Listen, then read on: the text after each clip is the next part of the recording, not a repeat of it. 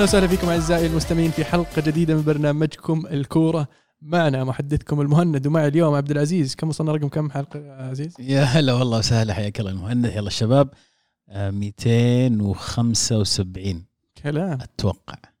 أنا أذكر آخر مرة كنا نتناقش كانت 74 صح؟ اي إيش كذا؟ هذا 205. السو- السالفة ذي كانت الأسبوع اللي راح ولا اللي قبله؟ هو أت- أعتقد الأسبوع الماضي كان 274 فهذه 275 بس يعني إذا غلطانين يصلحون لنا الجماعة هذه. إن شاء الله. يلا حي أبو داحم. يا هلا والله وسهلا. هلا بطل. أوروبا هلا. هلا والله ألمو هلا وسهلا. حياك الله. وعزيز وأبو عابد. حي أبو عابد. هلا هلا؟ والله. شرهان بداحم اليوم يقول ما باركتوا لي على مدريد. يقول ولا تغريدة ولا شيء.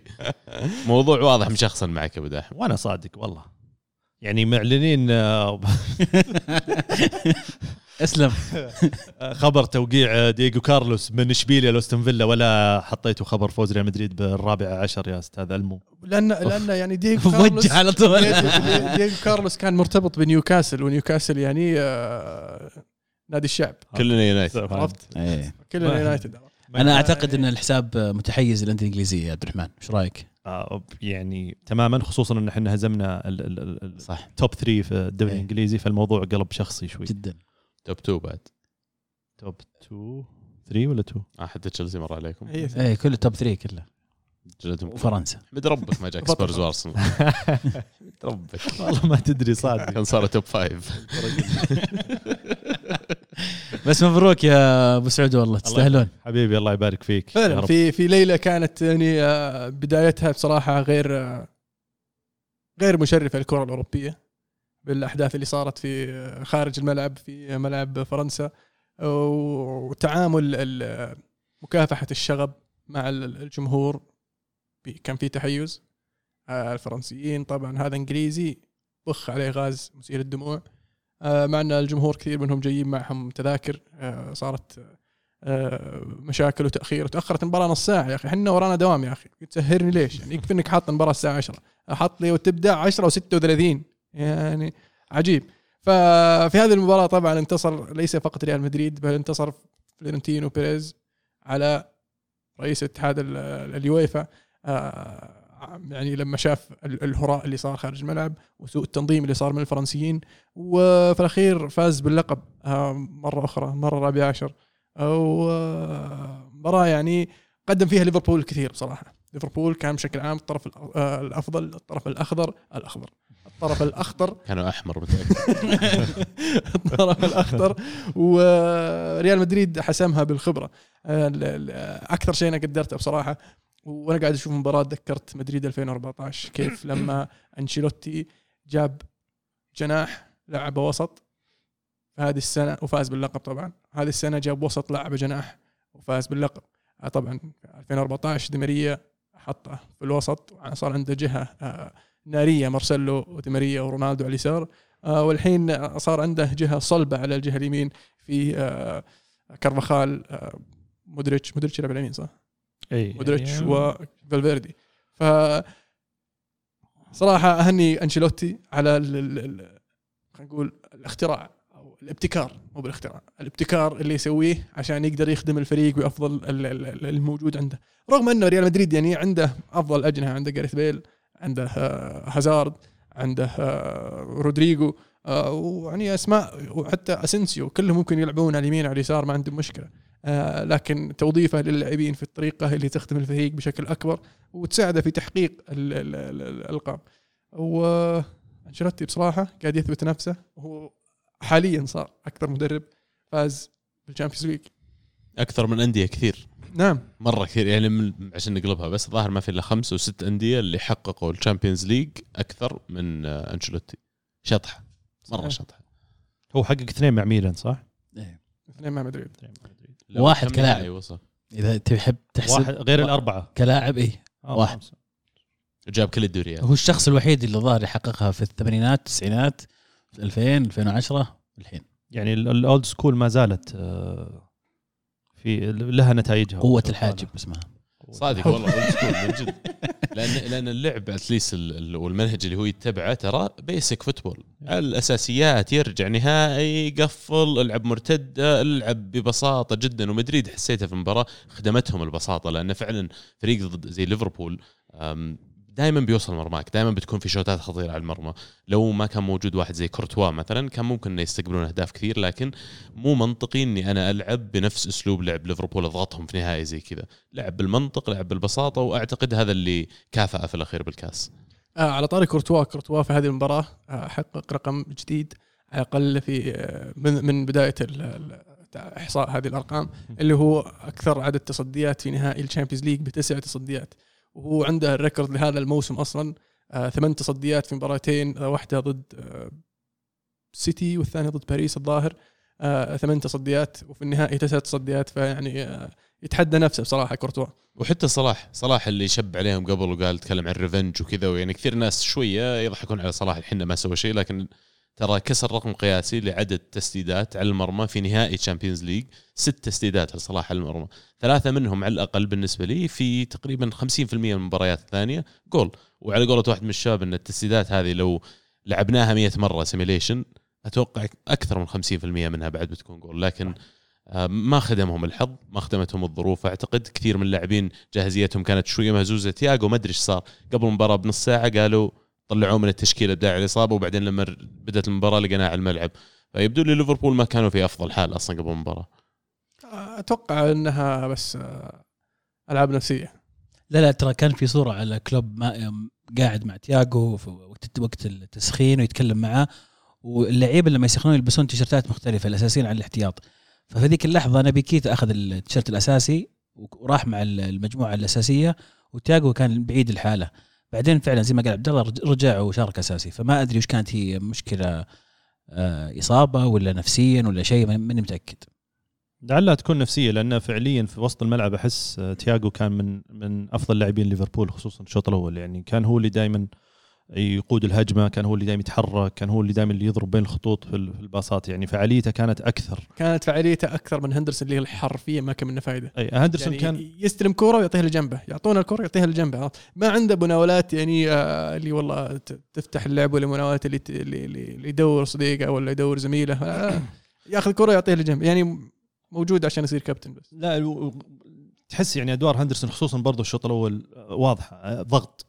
آه، هندرسون فعليا كان قاعد آه، يضغط بشكل عالي آه، بملعب ريال مدريد آه، كان قاعد يحاول قد ما يقدر إنه يعني آه، يخلي ريال مدريد يخسر الكورة في ملعبه على أساس يبدون هجمة آه، جديدة. لأن زي ما نعرف إنه ليفربول آه، بيهاجمك ولكن مو من نوع الفريق اللي ممكن يستحوذ ولو استعاد الكورة في وسط ملعب مدريد ممكن يرجعها ورا عشان يرجع يبدأ هجمة جديدة. لا. بس هذا آه، فائدة تياجو آه، تياجو كان أحس كان دوره لو لو يمكن لو لاحظنا أو لاحظت الشوط الأول تياجو كان دوره أكثر ياخذ الكورة وهو اللي يمشي فيها و ويعطي الحلول سواء كان للأظهرة ولا للمهاجمين. هو اللي آه، يتحكم برتم هو اللي يتحكم بالرتم. ليفربول ومع الكورة. هندرسون كان بدون بدون كورة ليفربول كان هو اللي تشوفه واصل عند ألابا وميليتاو يحاول آه، يقطع الكورة بطريقة أو بأخرى بينما فابينهو كان اللاعب الأخير اللي اللي خلينا نقول ال destroyer ولا هو اللي المفروض يقطع الكور سواء كانت. العالية القشاش سواء كانت الكره العالية حتى بحكم طوله أو أو أو أو الأرض.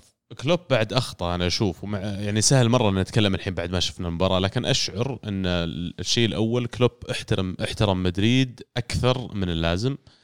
باعتقادي إنه كان المفروض يبدأ بالأربع المهاجمين كلهم سوى جوتا دياز ماني وصلاح المفروض كلهم بدوا المباراة.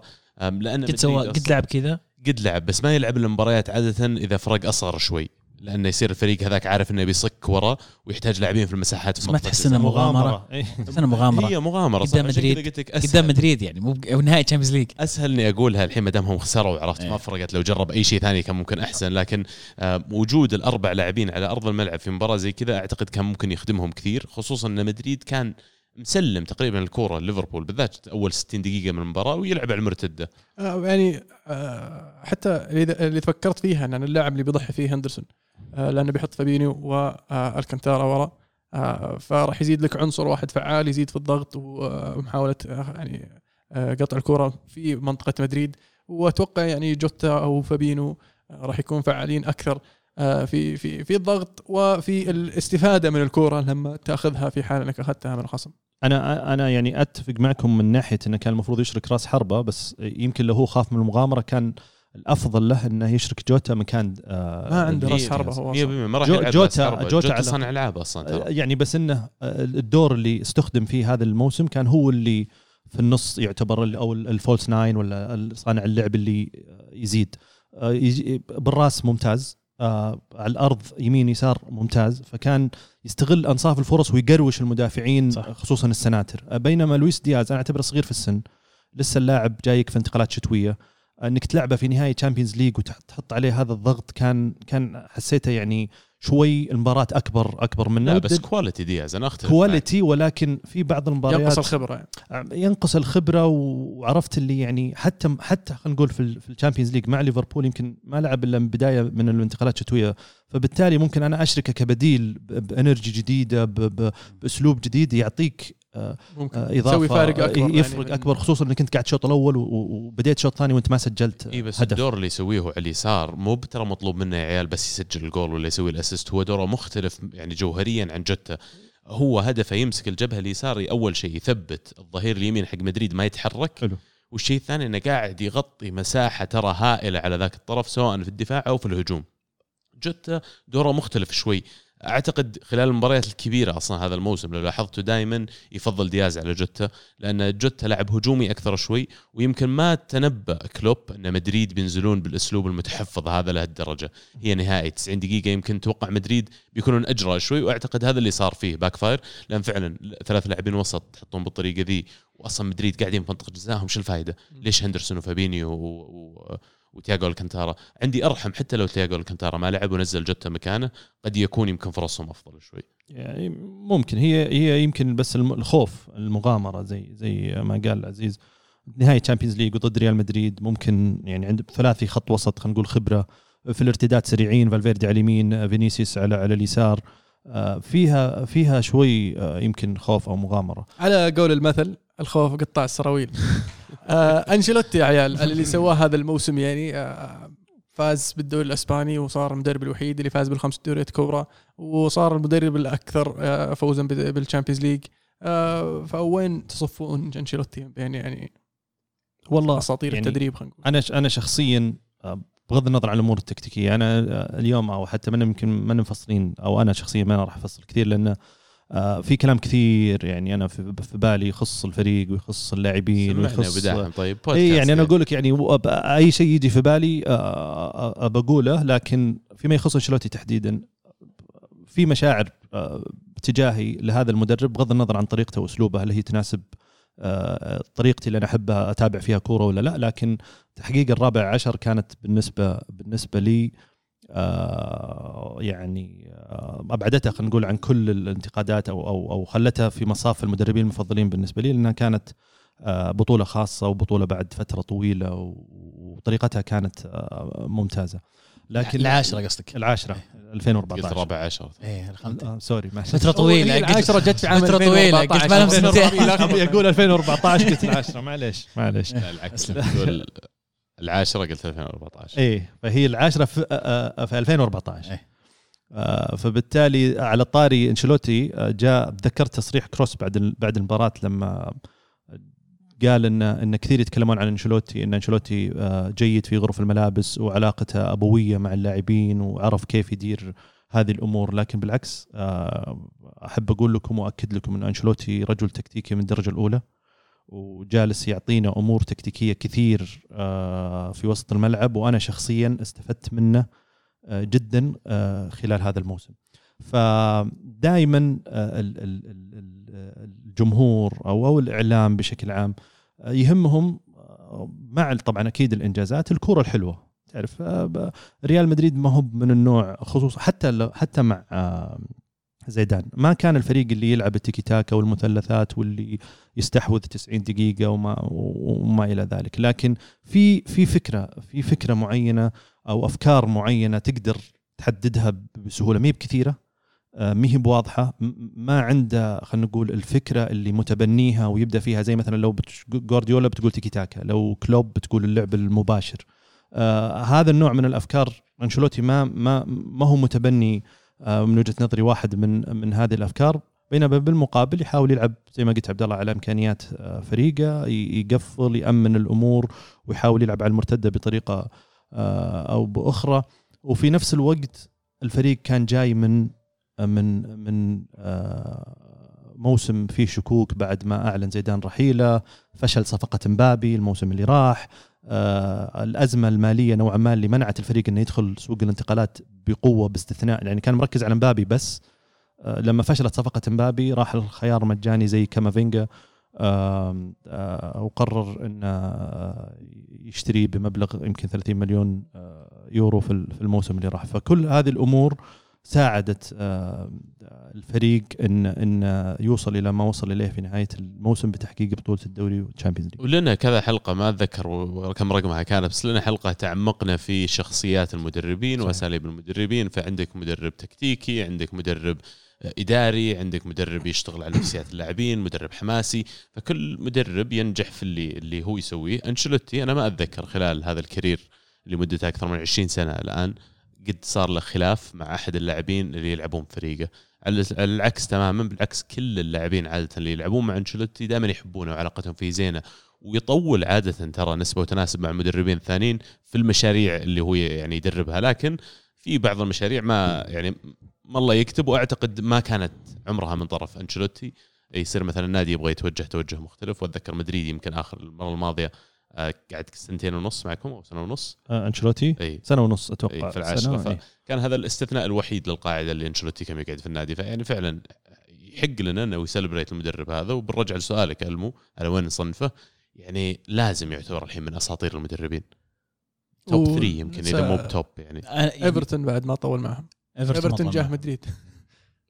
إيفرتون كان خيار شاطح أصلا. أهنيه انه عنده الرواق والكذا الطموح إنه يقول بروح نادي زي إيفرتون وبدربه. قاعدين نسولف ذاك اليوم آه إذا صرت مدرب هل بيجي يوم تروح تدرب نادي آه كذا؟ أصغر من الأندية الكبيرة تحاول تسوي معهم مشروع طويل المدى ومتى تسويها في مسيرتك؟ كمدرب يعني. آه فقد يكون ان هذه كانت الفكرة حقت أنشيلوتي إنه يسوي شيء من إيفرتون. في, في هذه الفترة؟ وله تصريح هو بس جوه مدريد يعني. إيه لا وله تصريح سألوه لما قال آه، عن إيفرتون وكذا. قال أنا اقتنعت بالمشروع وأنا موقع أصلا على العقد ثلاث سنوات كان مدري ثلاث سنوات ونص. فيقول الفريق كان عنده مشروع واضح وهذا اللي اللي زعل جمهور إيفرتون وإيفرتون عليه لما جاء مدريد وقرر يطلع. قال إنه أنت يعني التزمت معانا بأنك أنت تبدأ معنا المشروع وتكمل معنا المشروع وكانت الأمور واضحة بالنسبة لك. وهذا بس يقول الحين المفروض الحين مبسوطين يقول. الحين رضاهم هيا yes إيه. إيه، تعال. رضاهم بوشو صق على ليفربول جلس على ليفربول. fair enough okay هو نفسه قال مصرح. يعني آه، على على أنشيلوتي بالنسبة لي ما يعني صعب إني ما أحطه ضمن إذا ما كان الأفضل مدرب خلال العقدين الماضيين صراحة في كرة القدم من ناحية الإنجازات ما عنده يمكن خلينا نقول الفلسفة الكروية اللي شاطحة اللي أي واحد يشوفها ويعرفها على طول زي بعض المدربين ولا هو بالمدرب اللي يلعب تماما micro manager على على اللاعبين معينين وطريقة لعب واحدة معينة من سنوات وعنده عنده تدخلات يعني حتى اللاعب يبغاه بالضبط يلعب الكرة بطريقة معينة يعني تحس إنه مدرب في النص. توصل إلى طول طول العشب في الملعب. ها- كلامك مو بكلامي. فمدرب عنده استمرارية من سنوات وهو ما زال يستطيع إنه يفوز بأقوى بطولة في العالم يمكن. فصراحه يمكن يمكن الجمهور الوحيد وهم أقلية جدا اللي يختلفون على أنشيلوتي هم جمهور اليوفي اللي عاش اللي يعني عاشروه أيام أيام التسعينات. فتره مع اليوفي كانت سيئة جدا. لكن أتوقع كان لسه ما بعد وصل إلى نضج ال- ال- التدريبي.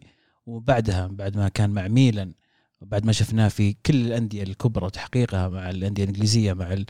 مع في ألمانيا والآن في ال Champions League ما أتوقع إن في مدرب عنده هذه هذا التنوع من البطولات والإنجازات مع أكثر من نادي مع أكثر من فريق وأكثر من وضع مختلف زي أنشيلوتي. حقق الدوريات الكبرى كلها حقق الدوري الإيطالي حقق الدوري الإنجليزي حقق الإسباني الفرنسي الألماني. الألماني الألماني. شطحه ترى إن إيطاليا رايح يدرب في ألمانيا هذه لحالها شطحه كل شيء. يعني فعلا لما يجيك الشامبيونز ليج مع كم فريق؟ إيه لما يجيك أندية زي مدريد زي آه، ميلان بايرن باريس ذول يعينونك مدرب أعرف إن عندك شيء مختلف. حتى تشيلسي أتوقع. كان الفترة المفروض إنها فترة تعتبر مو بصعبة ولكن بعد حقبة مورينهو. فريقه كان قوي بداية فريقه كان قوي،. يعني- فريقه كان مرة قوي 7 0 8 0 يفوز. يجلدون. كان اللاعب يلعب شيء. 4 4 2 دايموند مع أجنحة مو بيلعب محور واحد. صح. ترى ترى من خططه المفضلة عشان نتكلم عن ستايله قبل شيء. الشجر. اي 4 4 2 الدايموند هذه يقدرها ترى. أربعة لا بس ي- يغير. أربعة ثلاثة اثنين واحد. هذه- شجرة هذه الميلاد الشجرة لحد مع ما الميلان. مع الميلان هذا هذه أبدع فيها مع الميلان. مع الريال 4 3 3 مع تشيلسي 4 4 2 آه، diamond مع أجنحة مو سنتر. آه، مع مين بعد؟ إيفرتون كان يلعب 4 4 2 4 آه. 2 3 1 في ال Champions دائما إي فيعجبك فيه إنه ي- adapt يلعب إيه يلعب اللي موجود عنده. يخلي مو هو لازم الفريق يلعب زي ما أنا أبغى. okay أنا أقدر عنده ال- المرونة إنه okay أنا عندي عناصر كويسة عندي آه، خيارات متعددة. كيف أقدر أستفيد من هذه العناصر اللي عندي بالطريقة اللي أفوز فيها؟ واحد ف- يتأقلم أحسن من 25 أجبرهم يتأقلمون. فعلا لانك اذا 25 تجون بيض- بيضبط معك كم؟ 10 فبتمشي كم؟ 15 مو معقول. وحتى لو ضبط 15 لسه بتمشي 10 عرفت؟ مشكلة إيه. لا وفي وفي أمور بسيطة بعد إحنا يمكن ما ما يكون لنا علم فيها داخل النادي ولا من التفاصيل اللي تصير خلال الموسم؟ آه وتبان يمكن آه بعد انتهاء الموسم ولا بعد الفوز فوز الفريق في البطوله آه تصريح المؤتمر الصحفي بعد ال- الفوز لما كان مع كورتوا بال بال بال بالمؤتمر تكلم عن عن كورتوا لأنه كان جنبه وأفضل لاعب في المباراة يعني فعليا. فقال أنا جلست مع كورتو أول ما جيت الفريق وقعدت أسولف معه. وقال لي قلت له وش وش تح- وش تحتاج؟ وش ينقصك؟ قال أنا ينقصني Champions League هذا رد كورتوا أنشيلوتي قال أنا ب... بس ما طلبت شيء. إيه. قال هذا رد إيه، وقالها فعليا. قال آه يقول إني قلت له أنا بوصلك نهائي ال Champions League وأنت تجيب لي إياه. وفعليا هذا, هذا اللي صار. هذا دليل إن أنشيلوتي يعني okay السيناريوهات اللي وصل فيها الفريق للنهائي كان ممكن تقول إنه في لحظة كان ممكن يطلع وهذا الكلام كله يكون كلام هوا وكلام خاطئ. لكن فكرة إن المدرب جاي ومو مطلوب منه أنا متأكد مليون في المية إنه مو مطلوب منه إنه يحقق Champions League يعني okay بقول لك الدوري آه، لا والله ممكن قايلين له جيب لنا الدوري وأمورك زينة بتصير نظرا للوضع والظروف اللي قلتها سابقا. لكن فكرة إنك أنت تؤمن كمدرب آه، جاي للف- للفريق آه، في في وضع مو في أفضل حالاته وعندك داخليا إيمان إنك بتوصل للنهاية أو تقدر توصل الفريق هذا للنهاية هذا بحد ذاته شيء جبار وشيء شيء كبير جدا. وأنا قلتها أمس كلمة ومعليش أعذروني زي ما زي ما. قلت لكم ال- ال- البطولة هذه يعني كثير سألوني هل هذه بطولة الأغلى لك تشجيعك ريال مدريد نظرا للظروف والشكوك وإنك أنت حققت دوري وأبطال في في موسم واحد ما هي بالأغلى بالنسبة لي العاشرة يعني آه، في 2014 هي هي الأغلى لكن هذه تعتبر ثاني أغلى آه، بطولة نظرا للوضع والأشياء اللي شرحناها وثانيا لأنها يعني محت كل الخزعبلات والخرافات اللي قيلت في وقت سابق عن الفريق. آه بدت من يمكن من فترة 2014 بعد تحقيق ريال مدريد البطولة بموضوع التحكيم وما ما وما إلى ذلك. بعدين انتقلت مع جية زيدان وفوزه بأول Champions League إلى الحظ. آه دخل بعدين حققها ثاني مرة بعدين قالوا خلاص خلصنا الحظ أول سنة. لما حقق الفريق الخامسه ال 15 قالوا لا الكرة الباردة والحارة ريال مدريد آه طريقة سهل آه لل- لل- هذا الويفا حاطين كرة باردة وحارة عشان يختاروا لهم هذا وينكم يا ال top 3 Premier League ها؟ وينكم؟ اصبر تعالوا لا في شيء. في شيء قبلها بعدين وصلنا إلى موضوع الخزعبلات والسحر والشعوذه ريال مدريد ما يفوز آه، انشيلوتي الشيخ مندي ش- لا الشيخ ميدو، أنشيلوتي أنشيلوتي ما يمشي إلا معه ساحر في كل نادي يروح إيه يدربه صح هذا مي... آه ميدو صح؟ ميدو. إيه. قال أنا آه، في أحد قال لي مقرب من أنشيلوتي إنه أنشيلوتي ما بيروحش نادي يدربه إلا ب- ب- بساحر معه معروف. ساحر إيطالي بعد ساحر من إيطالي الفاتيكان أو جاي.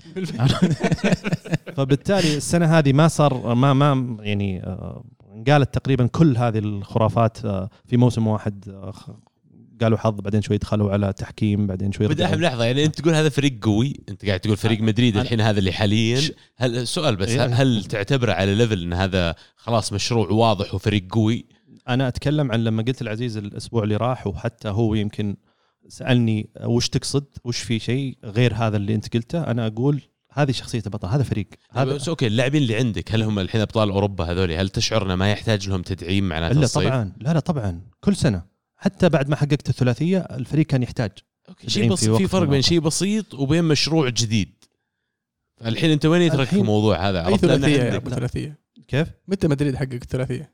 تشامبيونز ليج يعني ثلاثة ورا بعض ثلاثة قصد ثلاثة إيه، بعض ما ريبيت هذا. ترى يتحسس خماسية تختلف متستراوي تقول ثلاثية يتحسس لأن هذا إنجاز. لا لا لا لا عندهم. لا لا لا لا في في برشلوني مستمعين ترى يعني فتقول حقق صح، صح. ثلاثيه هذه يقلل مصداقية صادق. الكوره معنا. صادق. تقول صادق- صادق. أنت لأنها مي بثلاثيه هي خماسية. في هذاك الموسم. sorry يعني البطولة الوحيدة اللي ما حققناها كانت كأس الدوري الإسباني. بس ريال مدريد حقق الدوري وحقق ال Champions ليج وحقق السوبر الإسباني وحقق السوبر الاوروبي وحقق كأس العالم للأندية. على طاري المصداقية. يعني. بس ما حققت الثلاثية. ما فزت بالدوري. فايز بالدوري. فايز بالكاس والدوري. آه آه، sorry ما فزت بالكاس أجل ما فزت بالكاس. يب- فيقول ما يب- ثلاثيه هي لازم. Champions وكاس ودوري. هي آه، لا. تبدا بهذول الثلاثية. إيه. آه إذا يفز بهذولي okay بعدها تقدر تقول. خماسية. إيه، أجل ناديكم ما مو بزين. لا لا ما حد قال كذا ما حد قال كذا. بس أنا أقول لا ت- ت- تلقب نفسك بألقاب ما صارت عندك يعني. بس. أنا. محقق ثلاثة Champions League ورا بعض وفي موسم منها حققت الخماسية. بس بداحه في مفهومي. صدق تعال الحين. في خمس أو ست لاعبين في الفريق الأساسي صغار إلى حد ما. يعني وتقدر تبني عليهم مشروع. بس أشوف مدريد لسه قاعد يحاول يوقع مع ناس زي مبابي وأنت ماشي. فهل مدريد again يبحث عن مشروع جديد قادم؟ طبيعي ولا هذا لأني. جبت ال Champions League خلينا نقول ahead of time ولا ahead of schedule معناته خلاص هذا مشروع جاهز عندي وخليني بس أزيد عليه لاعب لاعبين. موضوع ال- ال- ال- المشروع أنا بالنسبة لي دائما يعني ينفع مع أبغى أجيبها بطريقة يعني آه، آه، لطيفة. أني ما أبغى أقول إنه ينفع مع فرق معينه وما ينفع مع فرق معينه ريال مدريد أكيد من الطبيعي إنه يبغى لها مشروع. still ما طلعت بطريقة لطيفة. طيب. لا لا أنا قصدي إنه يعني آه، طبيعة الفريق بغض النظر عن اني اشجع مدريد طبيعة الفريق ما في صبر. يعني لما الفريق يقعد سنة أو سنتين ما يحقق بطولة تقوم الدنيا وتقعد. فهمت؟ أتكلم عن إعلام جو ما وما أتكلم عن عرب أتكلم بشكل عام. والله أتكلم الحين يعني أعتبرني من مشجع المدريد. فعليا العالم بتشب عليك وما راح تخليك على راحتك وإلا بتخليك أنت كرئيس تتصرف تصرف معين وتروح تتعاقد مع أفضل اللاعبين أساس السنة اللي بعدها تحقق إنجاز. فبالتالي المشروع آه، المتعلق بمدريد دائما خلينا نقول قصير الأمد آه، والهدف منه تعزيز الوضع الحالي. طيب وش ال target الموسم الجاي؟ عشان أجيب السؤال بطريقة مختلفة بعد. هل target الموسم الجاي تبغى ال double مرة ثانية تبغى الدوري وال Champions؟ طموح؟ هل تتوقعها؟ لا أنا ما توقعتها السنة هذه. طيب okay فهل يؤثر تحقيقك لل Champions League على توقع السنة الجاية؟ لأن أي. أنا بلفت نظرك اللي صار مع تشيلسي. تشيلسي فريق كان تقريبا مو متوقع منهم شيء مع لامبارد. جابوا ال Champions League تغير التوقع على طول الموسم اللي بعده. يعني في نفس الموسم تغير المدرب. جاب ال Champions League تغير على الموسم اللي بعده. فهل مدريد الآن معناته متوقعين الموسم الجاي المفروض الفريق هذا يسوي شيء مقارب اللي سواه السنة هذه على الأقل يوصل نهائي ال Champions. شوف ال ال ال ال البطولات دائما تخفف من من من من هذه خلينا نقول ال targets ولا من هذه التوقعات لأنك أنت حققت ال Champions League والدوري. فبالتالي السنة السنة الجاية المفروض أنك أنت تستمر وتحافظ عليهم ولكن إذا ما حققتهم مهب يعني خلينا نقول نهاية العالم. خصوصا إن أنت كان عندك target خلينا نقول مثلا مبابي آه، الموسم هذا ولا جاء. فبالتالي هنا تغيرت آه، خطط 180 درجة. أنت كنت قاعد باني آمالك ولا باني خطتك خلينا نقول السنة الجاية على أقل تقدير على هذا اللاعب. بالإضافة إلى بعد بعض اللاعبين ال- ال- اللي تعزز فيهم مراكز معينة أنت في حاجة لهم. لكن الآن تغير تغير الوضع. أنت ممكن ترجع تعيد تقول والله أنا ماني بدافع الفلوس اللي كنت بدفعها في مبابي ما راح أدفعها في آه، في أحد ثاني جديد وما أضمن ولا ما في أحد أصلا بس عشان اسمي إني جبت لا أبى أروح أدفع مثلا في تشواميني 70 ولا 60 مليون وأجيبه وخلاص أقفل على خط الوسط بعد مودريتش. أبى أروح أجيب لي قلب دفاع ممتاز في السوق بسعر 40 50 مثل كوندي إذا كان متوفر ولا ما بعد اوريدي وقع مع تشيلسي. مع عندي هازارد يعني آه، هازارد كان موسمين ثلاث مواسم آه، إصابات آه، ما شفناه. صدق انكم هازارد. هازارد وبيل. هازارد بيل خلاص بيل خلص. بيل ماشي. طلع إيه. هازارد- بس ما هازارد كان طلع يقول- النهايه المفروض لو بغوا لعبوه اي لا في الدكه في الدكه موجود. دكه كان موجود. استهبال. طيب استهبال يا عيال وش الفريق اللي عنده لاعبين برا زي كذا؟ يعني اي فهازارد خلص خلاص موسم عقده انتهى واضح إنه مكمل. بيل إيه. عفوا. لكن هازارد طلع وقال أنا موسمين ونص أو ثلاث مواسم آه، مرت فيها بإصابات وظروف صعبة جدا لكن اللي أقدر أوعدكم فيه إني أنا الآن في حالة أفضل والموسم الجاي ابحارب على أساس مركزي وعلى أساس أخدم هذا الفريق اللي ترى هازارد انواع الطقاع وكلام يعني- فاضي. إيه معلش يعني- سامحوني على الكلمة يعني بس أنا ما أنا ما أنتظر منه شيء صراحة. بعيدا عن هذا بداحم مدريد الصراحة فريق يستحق ال- البطولة اللي حققها أول شيء ولما تنظر لآخر تسع وعشر سنوات اللي نبهني لها يوم جاء إيسكو طلع ودع المدريد ودع الفريق شكله خلاص طلع. فجايبين سرد لانجازاته خلال التسع سنوات الماضية. يعني في ال DNA حق مدريد البطولة ذي فعلا مو بعبث يعني القميص الأبيض ذا مو مو بسهل يعني. وحتى في الظروف لما كان ما هو بالفريق الأفضل على كل حال في البطولة ولا هو بالفريق الأفضل في النهائي لكن يلقى طريقة إنه يحسمها يلقى طريقة إنه يقعد في المباراة. كل لاعب على أرض الملعب ال11 الله حق أشعر إنهم يعني حاطين الشعار فوق, فوق يعني فوق أهميتهم هم كلهم ال11 ما في ولا واحد وفر حسيت يعني نفس على الملعب. تصريح يستاهلون مبروك تصريح. سيبايوس أنا بجيب لكم كل التصاريح عشان تصريح سيبايوس بعد المباراة لما سأل عن فرحتك واستمرارك وبتاع. قال أنا أمس يعني ما نمت. وحاولت إني أتواصل مع واحد لاعبين الوسط الخبرة اللي المفروض أنا دائما أتواصل معهم وأخذ نصيحتهم اللي هم كاسيميرو كروس مودريتش. قال لقيتهم قاعدين يلعبون ورقة. يقول فيقول اللي يقول ذاك اليوم؟ أنا أقول جالس أشوف مباراة معليش قطعتك عليها. نفس الموضوع بالضبط. قاعد يقول اللي جنبي قلت والله يا أخي ذا اللاعبين مساكين أحس لو عندي يعني مباراة بكرة زي كذا والله ما أنا بقادر أنام ما راح أعرف أنام. فيقول لا يا رجال مودريتش عنده نظام مثلا يعطيني مثال. يقول مودريتش لا جاء الظاهر يوم المباراة يقول إنه يتفرج على movie ثم يرقد شوي ويقوم يروح الملعب يلا بيلعب المباراة. يا أبوي مودريتش له 15 سنة ما بقى. بطولة ما حققها ما فرقت معه هذا ال 14 already عنده 10 يعني. بالضبط وهذا اللي هو قاله فعلا قال أنا رحت اتكلم معه بس عشان يعني يهدوني ويروقوني أنا ما قدرت أنوم وأنا ماني بلاعب أساسي أساسا لقيتهم الثلاثة مجتمعين في غرفة مدري مين وقاعدين يلعبون ورقة ليلة المباراة وطاقين خبر؟ بالضبط فأكيد إنهم أكيد شايلين هم أكيد إنهم محضرين المباراة نفسيا وفي لحظة خوف ولكن أدائهم انعكس في المباراه أنا بالناس اللي انتقد كروس كثير الموسم هذا وحسيت إنه خلاص المفروض إنه الموسم هذا يكون آخر موسم له لكن قدم شوط ثاني كان أكثر من رائع هدوءه.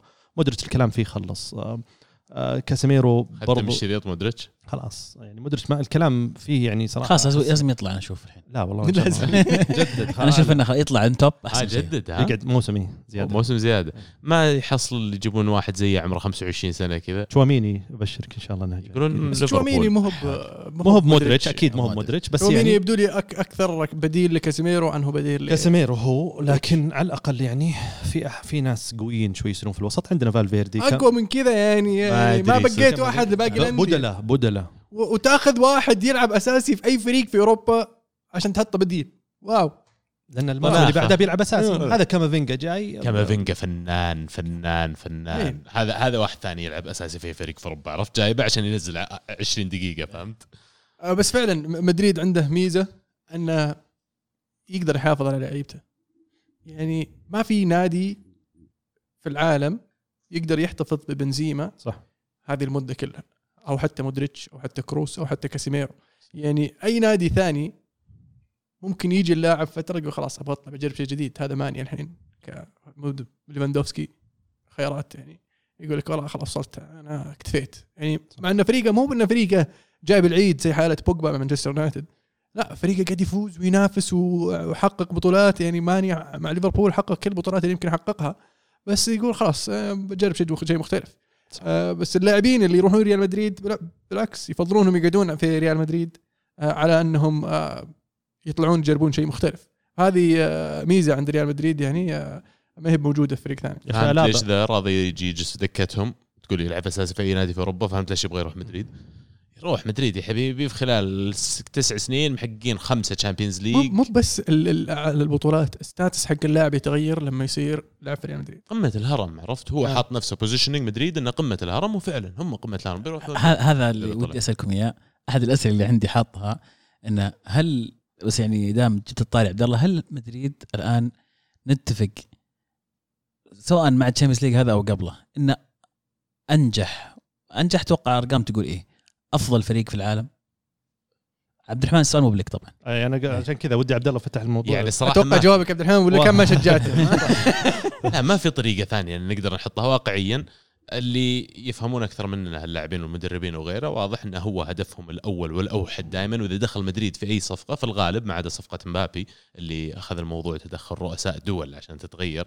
يعني إذا أنا نادي كورة في رؤساء دول قاعدين والله صدق قاعدين يحطون راسهم براسي عشان يوقفون مثلا صفقة لي أعرف انه ما أنت أنت cut above the rest وفرق عن الباقيين لأنه ما أشعر في أصلا نادي خلال مو بس خلال تاريخ كرة القدم آه، كامل لكن حتى خلال ال 10 15 سنة الماضية النجاح الاستمرارية هذه حقتهم في كل كل خمس ست سنوات تاخذ ال Champions League slice منه إلا مدريد ما أخذها واحدة منهم. غير الفريق ال- great اللي يحققها أربع مرات في خمس سنين. يعني اليوم هم قمة الهرم الهدف الأول لأي لاعب لأي مدرب إنه يروح هناك وفي stamp يحطونه عليك. أول ما تروح مدريد إذا جتك بصمة مدريد حتى لو تطلع من هناك تروح نادي ثاني ترى عليك premium في مبلغ إضافي في الراتب في مبلغ إضافي في الانتقال يجي لأنك أنت لاعب مدريد. يعني يحق لهم الصراحة. آه شخصيا أشوف يعني سالفة مدريد ترجع ترجع way way way back يعني من منذ قديم الأزل. يعني يوم كانت الأندية آه يرضون إنهم يقعدون بلعيبة ياخذ لعيبه شباب ويسوي منهم لاعبين. مدريد في هذيك الأيام كان ياخذ أفضل لعيبة. مدريد كان دائما عنده أفضل لعيبة. في سنة يعني ال- ال- الواحد يبحث عن يعني اللاعب اللي هو تقدر تقول عنه سوبر ستار وإذا جابه يعني تلقى وين من قدة مدريد عنده ثلاثة أربعة يعني بس كذا تتذكرهم بس لو تشوف التشكيلة في ناس يمكن أنت ما تعرفهم حاليا بس في وقتهم كانوا شيء خرافي. يعني لو لو تتذكر في الخمسينات كان عندهم بوشكاش وديستيفانو هذه هذه الأسماء إحنا نذكرها لأنها ذكرت كثير بس لو تشوف التشكيلة هذيك الأيام يعني فريق ما فاز خمس بطولات ورا بعض آه، من غير كوكبة النجوم هذه. آه، الأندية في هذيك الفترة يبحثون أنهم يوصلون إلى مرحلة ريال مدريد. ما هو بشيء آه، يعني توه يصير الحين ولا شيء توه يسويه بيريز. يعني ريال مدريد موجود قبل ما بيريز يدخل في سالفة كرة القدم. ال- ال- سالفة أن Sir مات بوزبي اختار أنه يلعب مع مدريد بشكل دوري على أساس يحسن الفريق بعد ما سقطت الطيارة في 58 على أساس يرجعهم إلى المستوى اللي آه، يبغى يوصل له عشان يقدر يفوز. وفعلا فادته هذه التجربة. يدل على الكثير. آه، تعاون ريال مدريد في هذيك الفترة آه، مع أو تعاطفهم حتى مع مانشستر يونايتد في هذيك الحالة. لما عرضوا على مانشستر يونايتد عناصر كان من الظاهر من بين الأسماء اللي طرحت اللي هو دي ستيفانو حتى. أنا- خينتو خينتو أو دي ستيفانو. آه، واحد. في في. أكثر من اسماء طرحت آه، طبعا Sir مات بوزبي ما هو بالمدرب اللي يحب يجمع نجوم يحب يصنع النجوم فقال أنا أفضل إني ألعب معك مباريات على أساس إني أعلم هذولي كيف كي- وش الفرق بينه وبين ال top وكيف نقدر نقلص الفارق من اني أجيب نجم ويصير عندي نجم وبس ما عندي فريق آه، ف ما هو يعني معلومة جديدة هذه ولا هي ب- موضوع صار عشان مدريد فاز كم؟ أربع Champions League خمس Champions League في آخر ثمان سنوات. لا لا أكثر خمسة. أكثر. خمسة في آخر ثمان مواسم. خمسة في آخر ثمانيه العاشرة لل 14 إيه. خمسة. خمسة في آخر ثمان سنوات. طيب آه في لاعب ما تكلمنا عنه في هذه المباراة أنا بالنسبة لي كان أحد النجوم يمكن النجم الثاني بعد كورتوا اللي هو كرفخال. صح. كرفخال على الجهة اليمين كان هو غلط في واحدة في بداية المباراة ويحمد ربه أن لويس دياز ما فهمها صح. اللي فهماني. من عقبها قفل الخانة يمين صح. وفي نفس الوقت تشوفه ضاغط آه، الجهه اليسرى ل- لليفربول على عكس أرنولد اللي اللي أحب أرنولد كلاعب كظهير ممتاز هجوميا لكن دفاعيا الهفوة اللي كانت في الهدف غريبة جدا. أعتقد إنه حتى ما درى إن في لاعب وراه. وأنت أصلا المفروض تراقب مين يعني؟ تراقب فينيسيوس يعني المفروض إنك طول الوقت مصحصح ففي فرق بين اللاعبين كرفخال بالنسبة لي كان أحد نجوم المباراه الشيء الثاني الموسم اللي قدم ليفربول السنة هذه موسم رائع جدا. صح. إنك إنك تفوز ببطولتين كاس بعدين آه، تخسر الدوري فرق نقطة في آخر جولة وتخسر ال Champions League فرق يعني ب 1-0 نهائي. ومن الأشياء اللي ذكرتها عبد الرحمن إن أفضل لاعب في المباراة يمكن نتفق عليها كلنا إنه هو كورتوا. كون كورتوا أفضل لاعب في المباراة يقول لك إن ليفربول سوى جزء كبير من اللي كان عليه لازم يسويه في هذه المباراة. صح. فحتى في النهائي ما قصر. لكن التاريخ راح يذكر إن ليفربول السنة هذه جاب بطولتين كاس فقط ما شيء ثاني. فهل يعتبر موسم ليفربول هذا موسم للنسيان ولا موسم عادي ولا لا يعني موسم ناجح مع المعطيات اللي صارت؟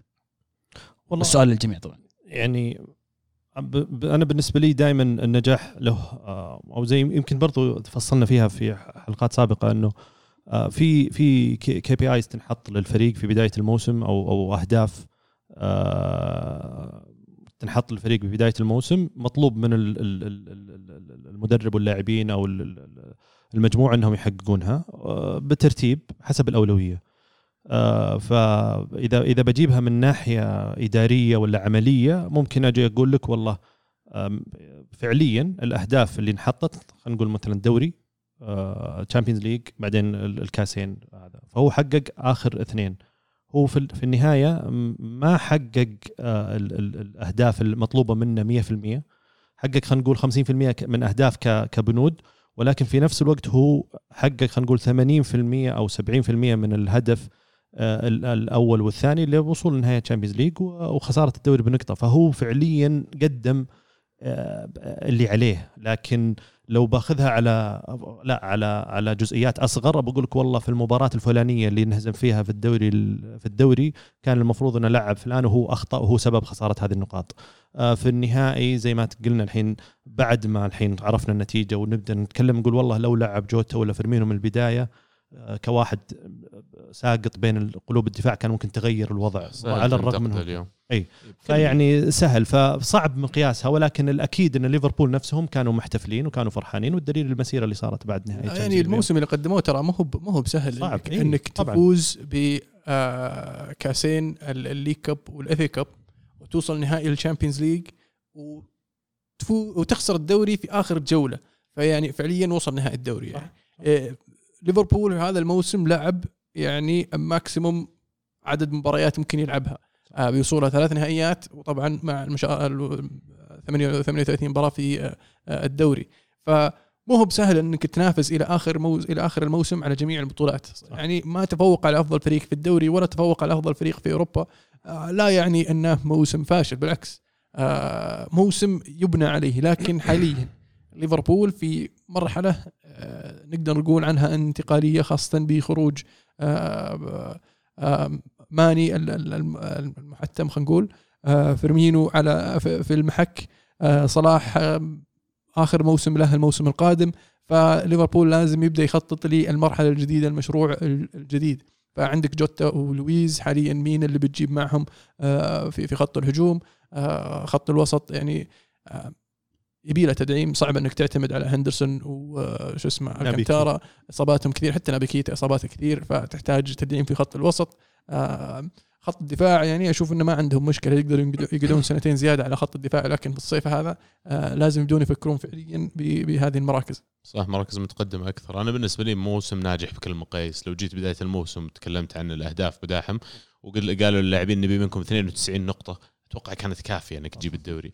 يعني عبارة شعرية قريتها أصلا في مقال اللي قاعد أقرأه ذاك اليوم إنه one less keeper one more point one more goal كان ممكن تختلف هذه ال- السالفة كلها إلى ليفربول محقق الرباعية. فحارس في النهائي وقف أمام تسديدات يعني ما تنصد ولا ترد جاب لهم Champions League لمدريد وخسرها ليفربول. في الدوري. فرق نقطة واحدة ترى لين آخر يوم لين آخر جولة وسيتي مهزوم بعد وفي ست دقائق قلبوها. لأن آخر ربع يا شيخ. وفرق نقطة ترى فرق نقطة يعني مرة ثانية نقطة واحدة زيادة بس حققها ليفربول كان خلته برضه يصير بطل الدوري. وفي الأخير اليوم يعني أنا أشوف المفروض كل جمهور ليفربول بيكونوا فخورين بالفريق وهذا اللي بيصير أتوقع. هذا اللي صار. هذا اللي صار. الاحتفالية اللي سووها برا بعد ما رجعوا الفريق محتفلين بالكاسين باص مسيرة والجمهور طالع. يدلك إن في تقدير لل- للجهد الكبير اللي صار والموسم الكبير اللي صار بالرغم من إن البطولتين اللي خسروهم هم الأقرب. البطولتين اللي فازوا أبعد. لكن الجمهور واعي ومدرك وشايف يعني ما يحتاج. ما ننسى ترى إن ليفربول تأهل ال Champions League هذا الموسم بهدف أليسون في آخر جولة. إيه صح. آه، يعني آه، إنك تكون من الموسم اللي راح اللي باليلا تأهلت ال top four إلى الموسم هذا اللي في بطولتين وصلت آه، آه، آخر جولة وأنت تنافس على الدوري وصلت نهائي ال Champions League. فهذا آه، يدل على شغل شغل جبار. بس الفريق هو نفسه ألمو هو نفسه اللي جاب الدوري هو نفسه اللي جاب ال Champions. فهذا مشروع مستمر له عدد من السنين. وعلى موضوع الاحتفال- الاحتفاليه عزيز ما أتوقع اللاعبين كانوا متحمسين على ذا الاحتفالية. قد ما كانوا بيكونون لو انه معهم Champions ولا دوري. صح. هذا اللي فرق. صح الجمهور واعي ومدرك بس زي ما قلت برضو واقعي وصح إنه بعد 10 سنين بعد 15 سنة لما يذكر بطولة 2022 آه ليفربول حقق بطوله بطولتين كاس. أحسن من لا شيء. أنا قاعد أفكر لو طلع ماني مين ممكن يصير فيه بديل؟ يعني مبدئيا أنا ما أتوقع بيجيبون بديل لأن عندهم شروا البديل هم لويس دياز. لويس دياز بيكون هو الأساسي وجوتا بيكون بيلعب في ال false nine في الغالب بيلعب معهم صلاح. لا تستبعد إنه تتغير شوي الخطة يصير صلاح يلعب free role قدام زي بيل آخر موسم له مع سبيرز ما دام طلع ماني الحين. وبالجانب الآخر عندهم ذا شو اسمه الياباني اللي نتكلم عنه ذاك مينامينو. اليوم. مينامينو 10 تسديدات الظاهر في الدوري 10 أهداف. 10 هي الظاهر. 10 10 مباريات بدأ أساسي في الموسم. 10 10 أهداف. 10 تسديدات. هو ما له هالعشر تسديدات ترى ما شاط غيرهم. شكله ما يشوت إلا هو نظام ضامن كذا اي فيعني عندهم already خلينا نقول الثلاثة الأساسيين وعندهم واحد وراهم على طول. يعتمد إذا طلع فيرمينو. أعتقد بيبحثون عن اسم زيادة وغالبا بيسوون زي ما سووا مع دياز. عارف هو انه بيخسر واحد من ماني وصلاح خلال النص موسم ولا موسم النص القادم شرى له واحد أمن نفسه. يعني استراتيجيتهم صح وما راح يلقون نفسهم في مازق لأنه already عندهم البديل بس هل هذول العناصر مع كامل احترامي للويس دياز وحتى جوتا اللي بينافسون هالاند إيه إيه. وألفاريز إيه لا لا كويسين. كويسين. ومحرز و... كويسين لأنهم صغار لأن في الأخير شفت تكلم قبل شوي عن يونايتد يقابل مدريد أيام إنه ما عنده فريق عشان يطور من فريقه. فنفس الشيء لأن اللاعبين اللي عندي صغار لما لعبهم مع standard مرتفع يرتفع ال standard حقه بسرعة يوصلهم لأنه يصير عارف هو إيش المطلوب منه. وجدت لاعب مرة فنان عنده potential مو طبيعي ودياز بالنسبة لي عنده potential يكون من أفضل لاعبين ال Premier League بعد. أعتقد إن الخيارات موجودة. قد يكون ترى لخط هجوم أقوى من اللي كنا نشوفه مع ماني وصلاح وفيرمينو ومن بعد فيرمينو لما جاء جوتا ودياز. فأعتقد هذول الثلاثة إذا قدروا انهم يستقرون ويمكن ما تدري إذا صلاح جدد ولا جابوا بديل لصلاح في المستقبل قد يكونوا ترى خط هجوم أقوى حتى من اللي كان عندهم. خروج ماني أتوقع يعني لخمة لليفربول. يعني كان الكلام كله طول الموسم عن صلاح وصلاح تجديد صلاح وفجأة ماني قرر إنه يمشي. وأتوقع انه لاعب حقق كل شيء مع ليفربول كل البطولات الممكنة. وما يشعر إنه هو النجم الأول الفريق يشعر إنه دائما التقدير يوجه لمحمد صلاح. فقرر إنه يبغى تجربة جديدة. بس ما أدري هل بايرن ميونخ المكان المناسب؟ ماني فنان بينجح في مكان أتوقع. هو كان يعني آمن بالنسبة له. كان يلعب في في سالزبورغ يعني وطريقة لعبه مقاربة جدا لطريقه اللعب في الدوري الألماني واللي, واللي يعني يمشون عليها لايبزيج ف أتوقع راح يناس- يناسبهم كثير يعني. ناجز من ما ننسى إنه كان يدرب برضو آه، لايبزيج فاتوقع راح يعرف شلون يوظفه. وعزيز أتوقع يعني جمهور ليفربول كلهم مو بس كل العالم عارفين إن الموسم القادم من بداية الموسم الموسم القادم ما راح يصيرون صلاح وماني يلعبون في نفس الفريق. يعني توقع العالم إنه بيجددون مع واحد منهم لكن الآن السيناريو صار إنه ما تجدد ولا واحد منهم واحد منهم بيطلع. فهذا السيناريو يمكن ال- ال- ال- الأسوأ اللي كانوا متوقعينه جمهور ليفربول إنه يضطرون يخسرون واحد الصيف هذا والثاني ما يجدد كمان يخسرون السنة اللي بعدها. لكن اليوم يعني ال- الانتقالات اللي قاعدين يسوونها أندية ال Premier League تروع ترى. هالاند already secured من السيتي هذا منافسك الأول على الدوري. نادي زي سبيرز مثلا مع كونتي الآن اللي نعر- نعرف كلنا وش ال- الفاعلية حقتها في الدوري بتكون. غير الإيرادات اللي موجودة عندهم والإمكانيات ضخوا توهم الملاك 150 مليون pound في النادي. جزء كبير منها بيروح للانتقالات الصيفية. يعني ال- الأندية اللي حولك قاعدة تقوى. ال- المنافسة تشتد. ربما راح تصير أسهل كمان. يعني حتى منافسك بايرن الآن حصل على واحد من ال key players حقينك وبايرن يعتبر منافس في ال Champions League لك. فبيكون tricky كيف ليفربول فعلا يقدر يقررون على هذا المشروع الجديد وش المراكز اللي ناقصتهم. تكلمت قبل شوي انت ألمو عن فرانكي ديونج ما أدري قبل الحلقة ولا في الحلقة. بس اهتمام يونايتد فيه. أتخيل لو فرانكي ديونج كان خيار بالنسبة لليفربول ممكن تصير يعني صقعة جامدة الصراحة. فعلا. زي ما جابوا كوناتي هذا والله مو طبيعي. أيوة، ما ممتاز كوناتي. كوناتي يعني فاجأني. هو عادة يلعب في ال Champions League بس في النهائي صراحة يعني الشوط الأول كان كان وحش. وحش صراحة. فاجأني. حلو. في نهائي أوروبي آخر. الله يبارك روما الله يبارك فيك. على فاينورد 1-0 نختم. مبروك طبعا ل- لروما وجمهور روما ومحبي مورينيو على تحقيق ال- ال- اللقب الأوروبي وأول بطولة من كم؟ 14 سنة ل- لروما. آه، يحققها في أول موسم له.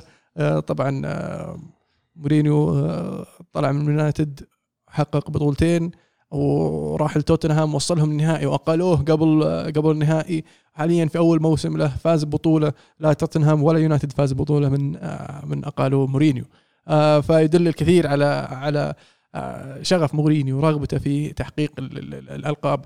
آه، قد يكون أي نادي أو أي مدرب ثاني يعني لا يعطي بطولة المؤتمرات قيمتها لكن مورينيو شافها بطولة أوروبية رسمية آه، بطولة تستحق أنك والله تروح تحاول فيها وكان عنده ال- الفكرة والإمكانيات أنه فعلا يفوز بهذه البطولة وفعلا سواها. مبروك والله مبروك روما اللي غاب كثير عن البطولات مبروك آه، مورينيو محبين مورينيو. فعلا البطولة كذا عطت شغف جديد لمشجعين روما ومو بس مشجعين روما حتى محبي الكره الايطاليه بشكل عام ان عودة فريق إنه يفوز بطولة أوروبية آخر مرة صارت في 2010 من الإنتر. أول بطولة فعلا لنادي إيطالي أوروبية وآخر واحدة كانت إنتر مع مورينيو. بالضبط. فعراب البطولات الأوروبية للأندية الإيطالية. هذا اللقب حصري لمورينيو. فبالعكس أخذها بكل جدية زي ما قلت ألمو. وكذا تحس إنه كان محتاجين شيء زي كذا. مو بس روما أتوقع الطليان كلهم كانوا محتاجين شيء زي كذا. راح يعطي روما دفعة قوية إنه فعلا الموسم الجاي راح يكونون جديين أكثر. وما أتوقع إن مورينيو راح يضيع فرصة إنه ينافس ويحاول يحقق ال Europa League الموسم القادم. آه، خاصة إنه برضه بطولة أوروبية وراح تأهل لل Champions League. آه، علما إن المنافسة على ال top four راح تكون صعبة بوجود أندية ميلان وعودة اليوفي آه، وصحوة نابولي مع سباليتي. وفي فجوة خلينا نقول بين روما وال Top Four خاصة إن ما ننسى آه، لاتسيو مع ساري اللي اللي أتوقع راح يكون بشكل مختلف الموسم القادم آه، مع شوية تغييرات تعديلات تبديلات آه، راح يحاول فعليا وجديا إنه يفوز آه، أو يكسب مركز في ال Top Four هل واقعيا أو هل ممكن نشوف آه، ديربي روما في نهائي ال Europa League الموسم الجاي؟ في حال ما تقابل ممكن والله شوف مشروع لاتسيو مع ساري آه جيد في تحسن وحتى في رغبة من الإدارة التجديد الآن مع ساري على المعطيات اللي صارت خلال الموسم هذا. فهو هو ممكن من إمكانيات ممكن لكن أنا لا أعتقد إن لاتسيو بيحط حيله كلها في, في ال Europa League. يمكن روما بحكم إن مورينيو يدرك أهمية الفوز بالبطولة هذه من ناحية كروية ودفعه معنوية للفريق ومن ناحية إنجازات له وللنادي. لاتسيو ما أعتقد نفس الشيء. لاتسيو أعتقد إنه ما وصل طيب ساري مع مراحل بعيدة في في ال Europa League مع نابولي. فاز فيها مع تشيلسي. إيه بس ما الموضوع مو ساري. لو بالنسبة لساري أتوقع بيقول لك إلا ابي افوز فيها. أتوقع إن الموضوع مالي إداري أكثر. إن لا. الإدارة بيقولون لا تركز عليه إيه ركز الدوري. ركز الدوري. وي- ويعتمد برضو على بيع اللاعبين أو نجوم الفريق خلينا نقول. يعني آه، أتوقع ميلينكوفيتش هو اسمه. ولا ذاك ال center إيه لا ميليكوفيتش سافيتش آه، ميلينكوفيتش سافيتش هذا في احتمال كبير إنه يطلع. ويحتاجون هم يبيعونه يحتاجون ال funds هذه ال- والمبلغ اللي بيجيهم عشان يستثمرون في النادي. بالضبط. ذكروا آه، يعني أكثر من اسم. كله ممكن يتخلى عنهم آه، على أساس أتشيربي، يقدر يستثمر. واحد منهم تشيربي في. حال باستوني راح توتنهام مع كونتي.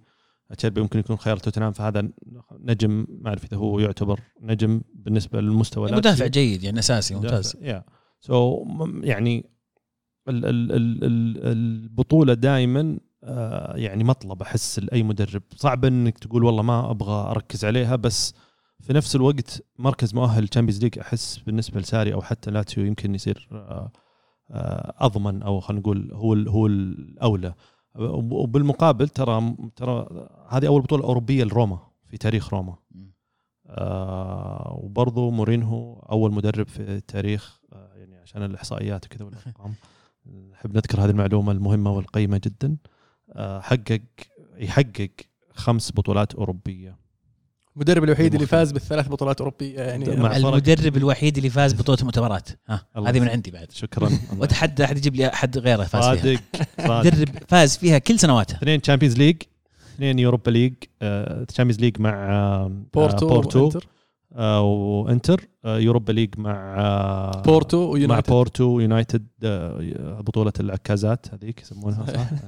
والحين كأس المؤتمرات. فبالتالي إنجاز آه، يسجل للمدرب اللي فعليا شغوف. يعني آه، بردة فعله آه، بعد المباراة أكبر دليل بغض النظر. يعني تتفق تختلف. هذا كلام يعني يمكن حكينا فيه كثير أو يمكن تطرقنا له كثير لكن آه، اللي صار مورينهو حس بالجمهور أو حس بقيمة إنك تجيب بطولة لفريق زي روما من اللي شافه من ردة فعل وتقدير له في هذا في هذا الوضع. فقرر إنه ياخذ البطولة على خلينا نقول محمل الجد وبجديه ويكافئهم بهذه البطولة.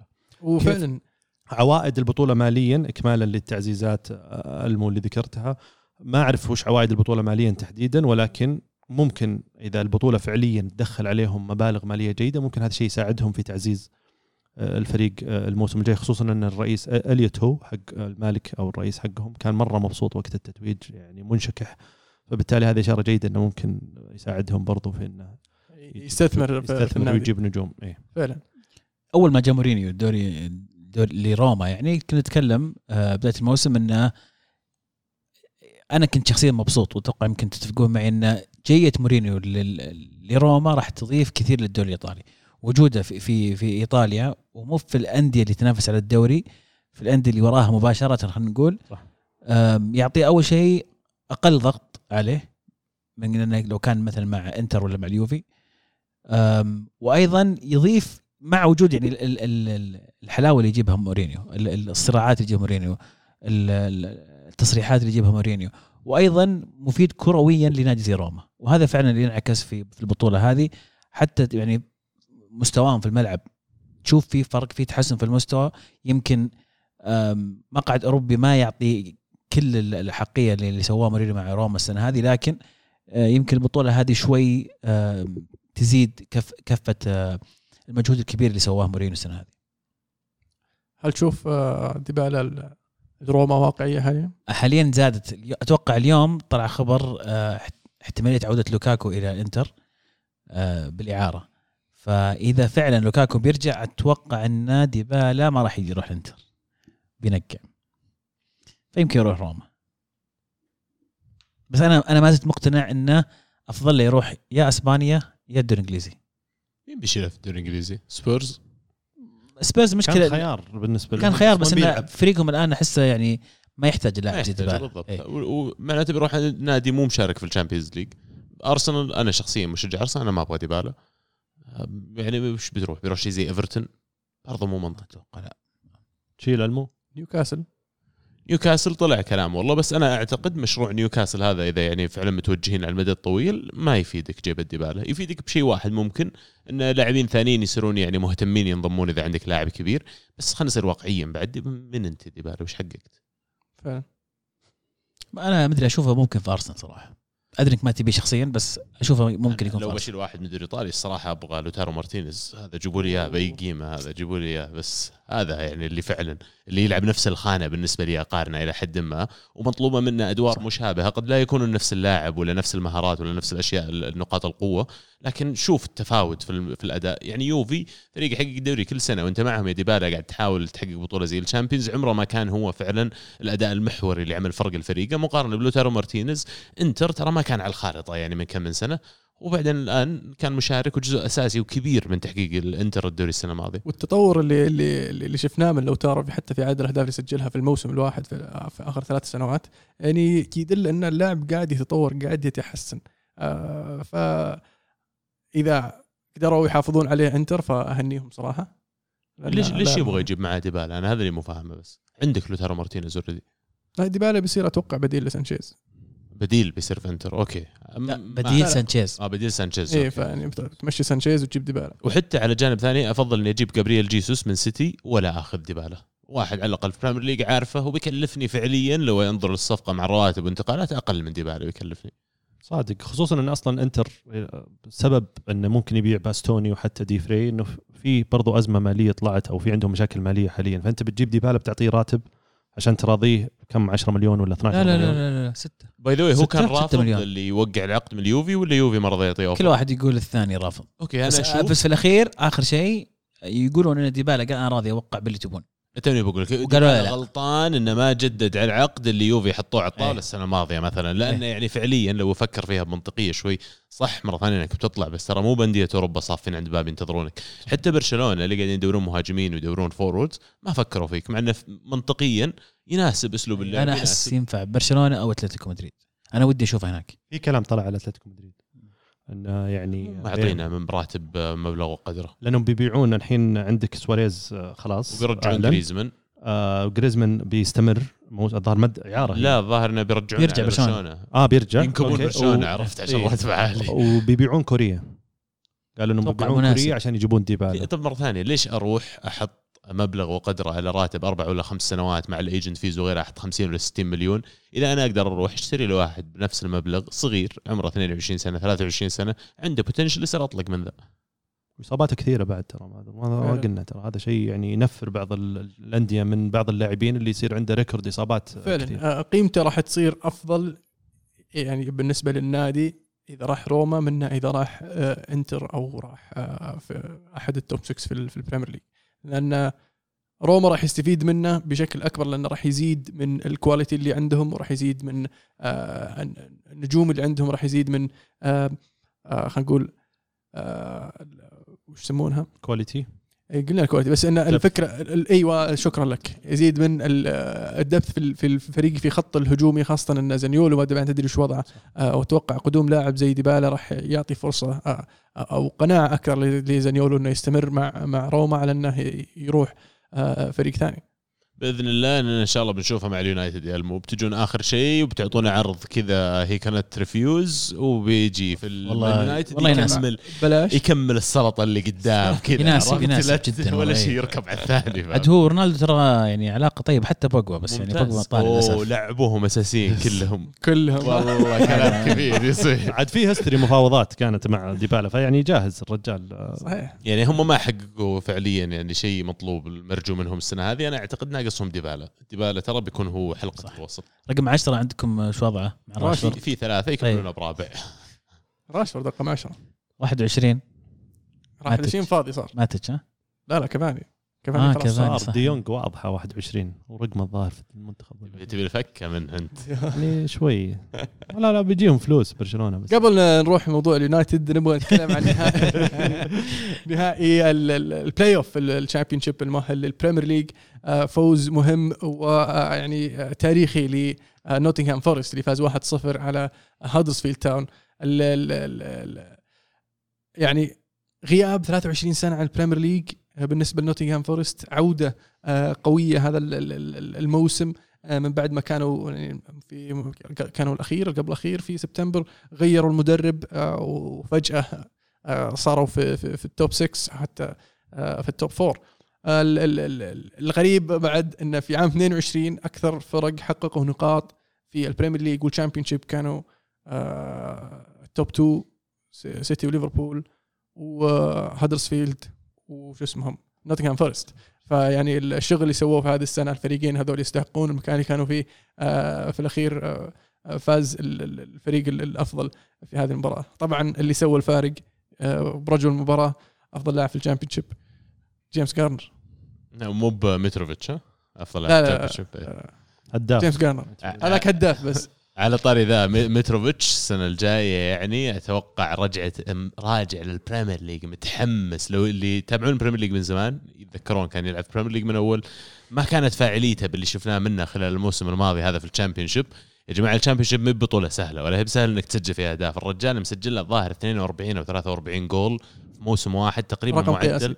معدل جول في المباراة. فيعني أتوقع راجع لل Premier League ناوي شر لكن بس تاريخيا هم. ادائهم فيلم. لا نفس اللاعب. يعني نفس اللاعب. أول ما جاء ال Premier League جابوه نيوكاسل على أساس إنه هو المهاجم الشاب اللي راح يغير آه، شكل الفريق بيكون هو المشروع مبني عليه.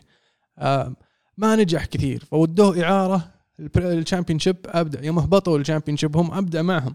آه بعدين باعوا راح لفولهام. في ال Premier League ما يسوي شيء. يروح ال Championship هداف الدوري. يرجع ال Premier League ما يسوي شيء. ثم الحين راح نزل مرة ثانية هداف الدوري. ثم يرجع الحين ال Premier League أتوقع يعني يعني غير مقتنع تماما إنه راح يكون أفضل مما كان. ممكن يكون أفضل بشوي يعني مسجل كم؟ ثمانية أهداف آخر موسم مثلا. يمكن يسجل عشرة.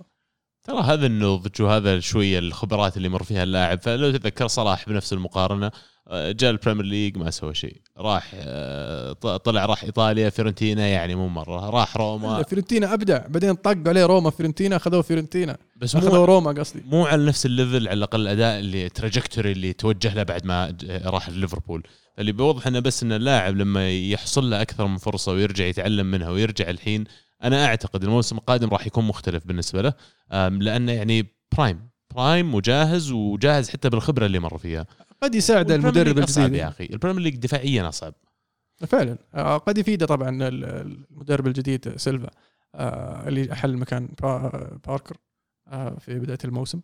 لأن فعليا حتى المعدل التهديفي حقه تطور كثير مع المدرب الجديد وقد تكون طريقة لعب المدرب الجديد اللي هو سيلفا تبني الفريق على شكل كذا السهم أو الرمح بحيث إنه يكون هو رأس آه، رأس الرمح خلينا نقول آه، هو physically. جامد عرفت؟ بس يبغى له service ويمكن يعني اللي فرق في ال Premier League عن ال Championship انه في ال Premier League مو متوقع في الفرق اللي بيلعب فيها متروفيتش إنك بتمسك كورة ولا بتصير عندك فرص.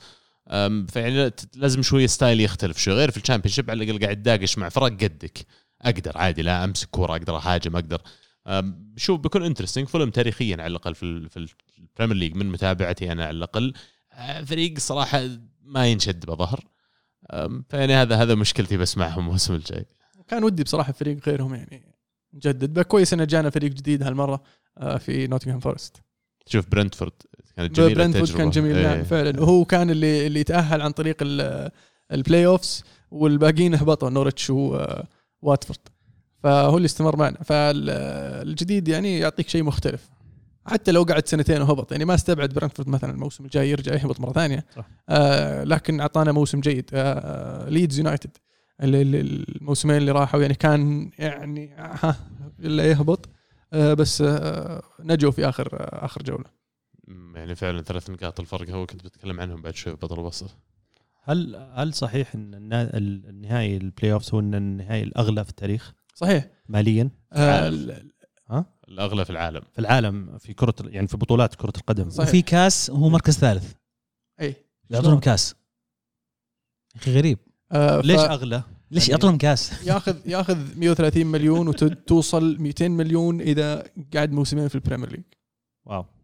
فهم كجزء من دعم ال FA ولا ال Premier League للأندية هذه اللي تصعد من ال Championship يقول لك أنت في ال Championship ال budgets والمبالغ اللي تصرفها ماديا على رواتب وانتقالات وغيره في فرق نوعي ما بينك وبين أندية ال Premier League فجزء من الدخل حق ال Premier League يخصص كدعم للأندية هذه الصاعدة.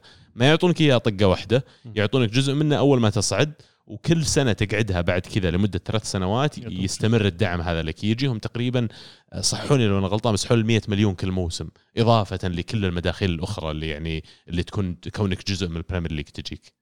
wow والله بصراحة فكرة رائعة. أنا ما يعني حجم الصرف اللي يصير فعليا في ال Premier League عالي جدا فبالتالي فريق جاي من ال Championship مسكين يبي له يداق شوي مع مع ذا الفرق على الأقل بصفقات معينة تخليك أو تعطيك خلينا نقول عدالة منافسة مع الفرق اللي في النص ترتيب وتحت إنك تنافس معهم على على البقاء. وهي جذابة للمستثمرين جذابة للمستثمر اني أنا لما أروح أجي أشتري نادي في ال Championship وأقول بصعد ال Premier League وش لازم أحط 200 300 مليون زيادة من عندي عشان أشتغل على الفريق يداقش معهم؟ مو بواقعي مو. بجذاب بيكون لاي مستثمر.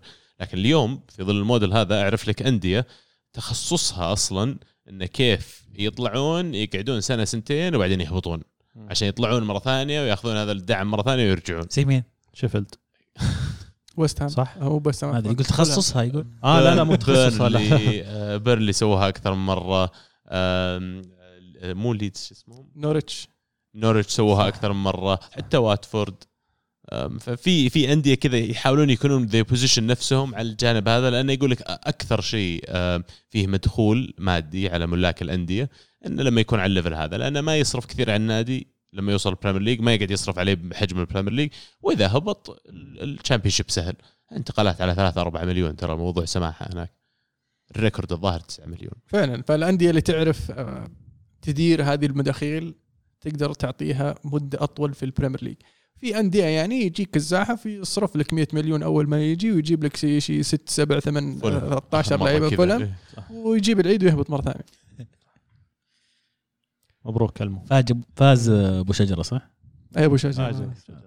آه في هذا كاس. ما دام إنه في في إنجلترا وال Premier League آه في خبر طلع اللي هو آه آه رالف راجنيك أعلن إنه ما راح يستمر مع مانشستر يونايتد كالمستشار آه، للنادي في الفترة القادمة اللي اللي كان متفق عليه إنه يقعد الموسمين القادمين آه، وقرر إنه آه، راح يستمر مع منتخب النمسا آه، في آه، الموسمين القادمين ويركز على المنتخب ويقال انه باتفاق آه، بين الطرفين على إنهاء ال- ال- الخطة هذه. أنا ودي أسألكم أول شيء قبل ما أتكلم عن الموضوع وش رأيكم بال- بالفيلم هذا؟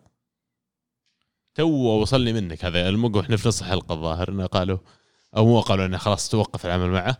ما أدري كانت مرة ثانية على الحلقة نقاشنا ولا خارج الحلقة ذاك اليوم لكن يونايتد على الرغم من التغييرات الإدارية اللي قاعدة تصير خلال الموسم هذا أنا لا أشعر كمتابع لل- لل- للوضع يعني ما أشعر إن الأمور تدار بطريقة مختلفة. ما أدري هل رأس الهرم ما زال هو نفس الشخص اللي يتخذ القرارات وحاط ناس ثانيين في في الواجهة لكن كل ما جاء أحد يونايتد قاعد يتحول إلى حد ما إلى كان بلاك هول عرفت؟ كل ما جاء دخل أحد حاول الموضوع ما ينحل الموضوع متعمق. ومع كذا يزيدون تعقيد بتعاقدات زي كريستيانو رونالدو الصيف الماضي آه، بتعاقدات آه، زي اللي الحين قاعدين يتكلمون عنها حقت آه، إحنا اللي قلناها حقت ديبالا. إي بس مثلا. فيعني اشعر ان يونايتد على قد ما يمشي قدام يمشي خطوة قدام ويمشي خطوتين ورا. يمشي خطوة قدام خطوتين ورا لأنه عالق شوي ما بين ال ال- خلينا نقول الإيقان ولا الاستيعاب ان وضعي اليوم ما هو بنفسه قبل عشر سنين. تماما جوهريا ما هو بنفسه أنا من نفس الفريق ولا نفس الطموح ولا التوقع فأحتاج إني أكون واقعي شوي. وما بين رغبتهم بأن عندي قدرات مادية أقدر أصرف رونالدو افيلبل أفضل لاعب في العالم اللي ليش ما أجيبه. يعني يبغى له واحد قاسي شوية أتوقع يمسككم وقد لا ينجح هذا الشخص القاسي لكن بس يشيل يحل ال- الأشكاليات هذه العالقة. في سالفة اد وودورد طبعا لما لما تجيب واحد مالي بحت ما له دخل بال core operation حق الشركة أو حق فما ما يركز على الأشياء هذه.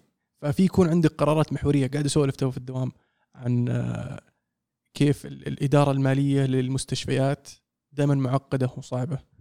لأنه يدخل فيها أشياء آه، شوي عاطفية نوعا ما. فإذا إذا مثلا المستشفى عنده مبالغ عنده مصاريف عالية لازم تنزلها. فإذا أنت نزلت المصاريف عشان تحقق أرباح مين اللي بيتضرر؟ المرضى. المرضى نفسهم. فيا أنك بتقلل ال- الكفاءة أو تقلل مساحة الغرف أو تقل أو ترفع الأسعار على ال- المرضى عشان تقدر تحدد ترفع ال- ال- الدخل حق المستشفى وتحدد الأمور.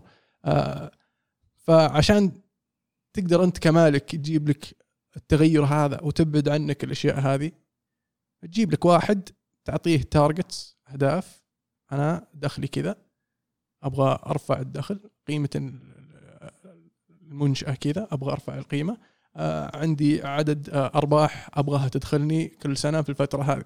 فلما تجيب لك واحد كذا مالي بحت زي ادوارد وورد ما يهمه النادي ولا هو بفهم كورة أصلا بس يعرف شلون يجيب الفلوس هذه. فيتضرر النادي ال operation ال core operation حق آه، النادي اللي هو الكورة. بس نشاط العمل. إيه نشاط العمل بالضبط. بس الفلوس تدخل.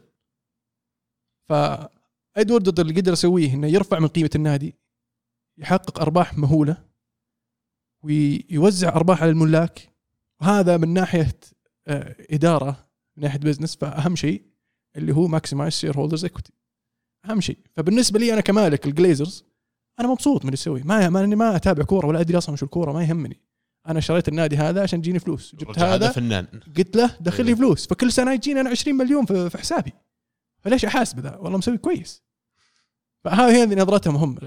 فطبعا ال- في بعض ال tricks أو الخدع اللي تخليك تستمر في في في تحقيق الأرباح ورفع من قيمة السهم.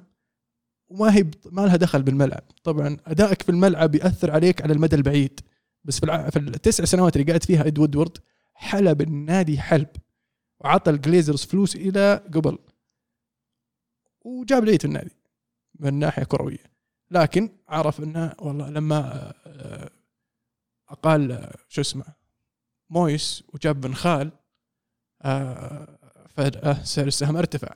ثم مع الصفقات اللي سواها مع بن خال صار فيه آه، حركة في آه، سعر السهم ثم جيت مورينيو آه، التوقيع مع بوجبا والهالة الإعلامية اللي يسوونها فيزيدون الناس اللي والله okay آه، هذول عندهم لاعبين عندهم بوجبا عندهم زلتان عندهم لوكاكو عندهم كذا فصارت آه، السالفه دائما يونايتد؟ اي إيه. دائما يونايتد كل إيه. يتكلم عن يونايتد ف okay أنا أبغى أبغى أصير متعلق بهذا النادي فأروح أعطيه فلوس عشان يحط والله آه، شعاري على الفنيلة ولا يحط شعار يجون لعيبتهم يصورون عشان يبيعون مخدة ولا مرتبة سرير ولا اندومي. فمشت معه.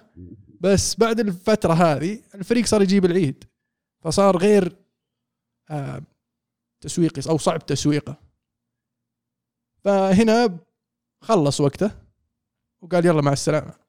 بس إنه في التسع سنين حقه سوى maximize اللي يقدر يطلع أي. من النادي. وطبعا ما أحكي لك عن مكافآته ال- هو المكافآت كان- هو إيه، ال bonuses اللي جته ترى في. في الفترة هذه كان هو أكثر أكثر رئيس نادي في البريمير ليج يحقق bonuses. غير طلعوه راتبه. هذيك ال leaks شو اسمه الموقع الألماني دير سبيجل الظاهر. إيه. طلعوه وفعلا كان ماخذ مبالغ تروع يعني. إيه لأنه مو مو يدخل على level بس مو على بشكل- level CEO نادي مكافآته مكافآته على level يعني investment banker عرفت؟ إيه. ليفلاته على level يعني فعلا استثمار أنا قاعد يدير لهم استثمار هو ليس قاعد يدير لهم نادي كورة. فعلا. وهذا اللي اللي صار في اليونايتد باختصار في الفترة الماضية. معناته مو بهو. معناته أنتم عندكم مشكلة في الملاك. اي ها هذا الكلام إحنا نقوله من من قبل ما يطلع سير أليكس. وما راح ينحل. ومع الأسف آه، يعني انكشفت الأمور لما اعتزل السير أليكس. لأن كان السير أليكس هو الشخص اللي مخلي النادي متماسك. ما يقونه عرفت؟ لما يبي يمشي sporting project سووا اللي تبون أنتم في استثماركم. كيفكم؟ بس الكرة إيه، لا تعبثون حتى فيها. يعني آه، لما لما مثلا بيع رونالدو ب 94 مليون وقتها أغلى صفقة في تاريخ كرة القدم تحسب انه مستثمر على 94 هذه في النادي؟ لا. ترى هذاك الصيف اليونايتد شرى جاب أوين ببلاش من نيوكاسل راح جاب آه، ال marquee signing حقنا انتوني فالنسيا كم؟ 13 مليون الظاهر من ويجن وراح جاب أوبرتان لاعب شاب صغير ما حد يعرفه أتذكره. من بوردو. هذاك بس كان هذاك عليه الكلام أوبرتان ترى وقتها. إيه بس كان برضو يعني ما هو واحد تجيبه وانت توك بايع رونالدو. ما ما في marquee signing في السالفة دي عرفت؟ مع ذلك قدر ي- ينافس على الدوري آه، ويوصل دور الثمانية في الشامبيونز ليج وقدر يفوز بالدوري الموسم اللي بعده يوصل نهائي الشامبيونز ليج الموسم اللي بعده. فيعني مشى مشى الأمور. آه، لكن الحين جاء آه، هذا ريتشارد أرنولد. وصار في sporting director سوى سالفة ال delegation أنا بمسك النادي آه، أمسك الشركة وأنت امسك النادي. آه، كان تصوري في البداية إن اللي بيسويه ريتشارد أرنولد إنه بيجيب راجنك كمدرب مؤقت ثم sporting director لكن اللي اتضح لي بعدين انه مو ريتشارد أرنولد اللي جايبه اللي جايبه ال sporting director نفسه اللي هو آه، جون ميرتا. جون ميرتا جاب راجنك على أساس إنه يكون المدرب المؤقت في الفترة هذه ويكون يساعده في الفترة القادمة في تحسين الأمور آه، وبناء الفريق. آه، في الفترة هذه يعني راجنك كشف الأمور للجميع الأمور اللي كلنا عارفينها وكل المدربين اللي اللي اللي, قبله تكلموا فيها ما عدا أولي. فتكلم فيها بصراحة بواقعية وبكل شفافية بدون آه، بدون حزازية و آه، وضغينة شفناها من مورينيو يقولها بإهانة. آه، قالها وهو حريص على النادي فعلا. وجمهور اليونايتد أنا أنا شخصيا أنا شخصيا ما كنت أبغى من رانجنيك إنه والله يفوزني بالدوري ولا يوصلني top four أنا أبغاه يجي يعرف وش وش اللي صاير ويعلم الإدارة وش اللي المفروض يصير كيف تظبط النادي كيف تديره مين المدرب اللي تجيبه ولما يجي المدرب أنا أعطيه full report عن النادي عن المشاكل كيف تنحل وش اللي ممكن تسويه والقرار للمدرب الجديد طيب مو بهذا اللي صار؟ إلا هذا اللي صار حاليا. إيه. إيه لكن أنا كان ودي شخصيا إنه يستمر هو في النادي على أساس يساعد في آه، الريكروتمنت في التعيين. الانفصال منه ولا من النادي؟ أنا شخص ما ما قالوا هم قالوا إنه اتفاق بين الطرفين. واضح. على أساس يركز. أنا شخصيا أشوف النادي قالوا له ينوت آه بلاها. هل ردة فعل ل- لقبولة تدريب آه، منتخب النمسا؟ آه ما أتوقع لأنه حتى في تصريحه قال انه آه انه كان في اتفاق بينه وبين النادي إنه بناء بما إنه ما راح يصير موظف رسمي راح يصير مجرد مستشار فراح يصير عنده وقت يشتغل شغلة ثانية. فكان في اتفاق على هذا الشيء. بعدين قالوا له انقلع يعني. بالتراضي على قولتهم إيه بس قالوا شكرا ما قصرت يعطيك العافية لكن خلاص ما عاد نحتاج أنا أتوقع في شيء ناقص، في إيه، شيء ناقص. خروج إيه. هذا اللي قاعد يقول خروجه ناقوس خطر بالنسبة لجمهور يونايتد لأنه معناته لما عنده هو فيجن عنده شيء يبغى ينفذه في النادي ويشوف هذا طريقة إدارة النادي واستمراره ويبدو لي ما اتفقوا معاه في الأخير إنه ينوت إحنا بناخذ اتجاه مختلف عن اتجاهك هذا فيعطيك العافية كل واحد يمشي في طريقه ه- هذا الجزء الناقص أعتقد وهذا الخطر بالنسبة لجمهور يونايتد إنه إذا هم مقتنعين بكلام الرجال هذا ويعني مقتنعين بتوجهه والنادي قاعد يقول له لا الإدارة قاعد تقول له لا خلاص كل واحد يمشي في طريقه معناته انه مكانك سري تي تي يعني. تي تي زي ما رحتي. زي ما جيتي. بالضبط. بس هل ممكن آه، تنهاج رفض إنه يشتغل أو رفض وجود مستشار آه، معاه ما بعد أعتقد. مات. ما أعتقد. مين تنهاج تنهاج إي. آه أنا شخصيا حسيت هذا الشيء لما شفت المؤتمر الصحفي حقه. من قبل كيف؟ حتى. آه ما أعرف عن حق قبل. تنهاج إي. فالمؤتمر الصحفي حقه سألوه عن راجنك قالوا له وش رأيك براجنك كان رده هذا الموضوع يعود للنادي. سؤال. يعني واضح كأنه واحد واقف فوق رأ... كأنه واحد يشرف عليه يعني بالضبط. شغله. هو أعتقد إنه صار في تصريح آه، قبل لما سألوه ونفس الشيء كان تهرب أعتقد من الإجابة وقال أنا ما ما أعرفه ولا قد قابلته أبى أروح النادي وأقابله وأجلس معه ونتفاهم وبعدين بعدها لكل حادث مو هو اللي. جايبه مو لا لا. لا لا. ما ما ما أقدر اشتغل مع بعض بس يعني قد يكون يعني recommendation منه. صح. يعني هذا المدرب أنت تبغى تبني فريق هذا راح بنى على فريقين ويعني وفاز بالدوري. ال CV. حقه ينفع إيه. هذا ينفع لكم. عندكم لعيبة شباب وعندكم آه، بس لازم تشتغلون على ال recruitment لازم تبدون تشغلون مخكم. ما تروح تجيب لي واحد زي بوجبا ولا تجيب لي واحد زي زلاتان ولا تجيب لي لعيبة آه، في نهاية مسيرتهم زي آه، كافاني ورونالدو. فكر في الشباب فكر في بناء الفريق للمستقبل وهذا هذه فلسفة اليونايتد من أيام ما- مات بوسبي. وجاء هذا راح مسح التاريخ اليونايتد كله إد وودوارد طبعا وصار فكره الجلاكتيكوز والنجوم وجمع أفضل لعيبة في العالم كأنك تجمع بوكيمون. واللي مساكين الخسران اللي مساكين خسرانين يعني غير يونايتد بعد يعني لاعبين زي راشفورد مثلا. راشفورد موهبة كبيرة ترى يوم طلع وصغير وعنده فعلا potential كبير جدا لكن اصطدم طموحه بنادي آه، شغل الشاغل المشاريع اللي تكلمت عنها اللي هي commercial وليست كرة قدم واليوم راشفورد لما وصل prime المفروض الحين قاعد يعطيك ال- المردود فعلا اللي انت استثمرت فيه ما عنده القدرة إنه يشيل هجوم يونايتد ويمكن تضطر لا أنت باللي تبي تبيعه ولا أنت باللي تستفيد منه لو قعدت. وبقي سنة في عقدته يعني أقول لك شيء مؤسف يعني حتى وأنا ما تحضرني أسامي اللاعبين الثانيين بس مرت مواهب كثير شابة على يعني يونايتد أعتقد إنه ما استفادوا منها بسبب التشتت هذا اللي عايشين فيه يا شيخ. حتى مدريد نتكلم عنهم جلاكتيكوس تو ترى خلال ال 20 سنة الماضية من اللي أنا اتذكر من أيام هيغوايين وإنت راجع وكذا كل فترة يشتري له تحت ال 20 يشتري له صف كامل. أم، 10 12 لاعب تحت ال 20 سنة يبدأ يدخلهم فريق لا يقلش منهم إلا خمسة. صح. بس إن هذول اللي يسوون لك بذرة إنك تشوف ناس زي فينيسيوس جونيور زي رودريجو زي شو اسمه مارسيلو. لا تنسى مارسيلو. مارسيلو ترى مارسيلو جايبينه صح، عمره أيام مارسيلو 19 طبعاً. 18 يعني. فيعني عندهم هذا ال ال الاعتقاد إنه فعلا كرة القدم حتى لو أنا جالاكتيكوز لازم يكون عندي أنا شيء model sustainable انه كيف أنا أقدر أعبي الخانات الباقية بلاعبين على كفاءة عالية يونايتد ما كان عندهم الشيء هذا آه، لأن كان ما تفكيرهم في الكورة كان تفكيرهم في فلوس كيف مين اللاعب اللي أجيبه راح يدخل لي فلوس أنا راح أجيب بوجبا بوجبا عنده متابعين في تويتر متابعين في إنستغرام آه، وفي ال social media ويسوي حركات تصوير فهذا ينفع لي. شفت؟ فينفع له عشان يدخل له فلوس مو ينفع له عشان والله يبني فريق. آه، ال- ال- ال- الشيء الثاني إنك تروح تجيب لاعبين ما لهم آه، ما هو يعني مقتنعين بال بالمشروع حقك ولا ولا هم جايين عشان والله يحققون شيء معك. جايين لأنك أعطيتهم راتب مهول وقالوا okay. وصارت زي ما ذكرنا مع مع لعيبة كثير. فسالفه ديونج أنا شخصيا إذا ديونج نفسه مو مقتنع بالمشروع ولا مقتنع إنه يجي لليونايتد أنا أفضل أسحب نفسي من السالفة. ولا أجيب واحد ادبل له راتب. 2 مليون في الشهر. الكلام اللي طالع ان من يونايتد مستعد يدفع له 24 مليون في السنة.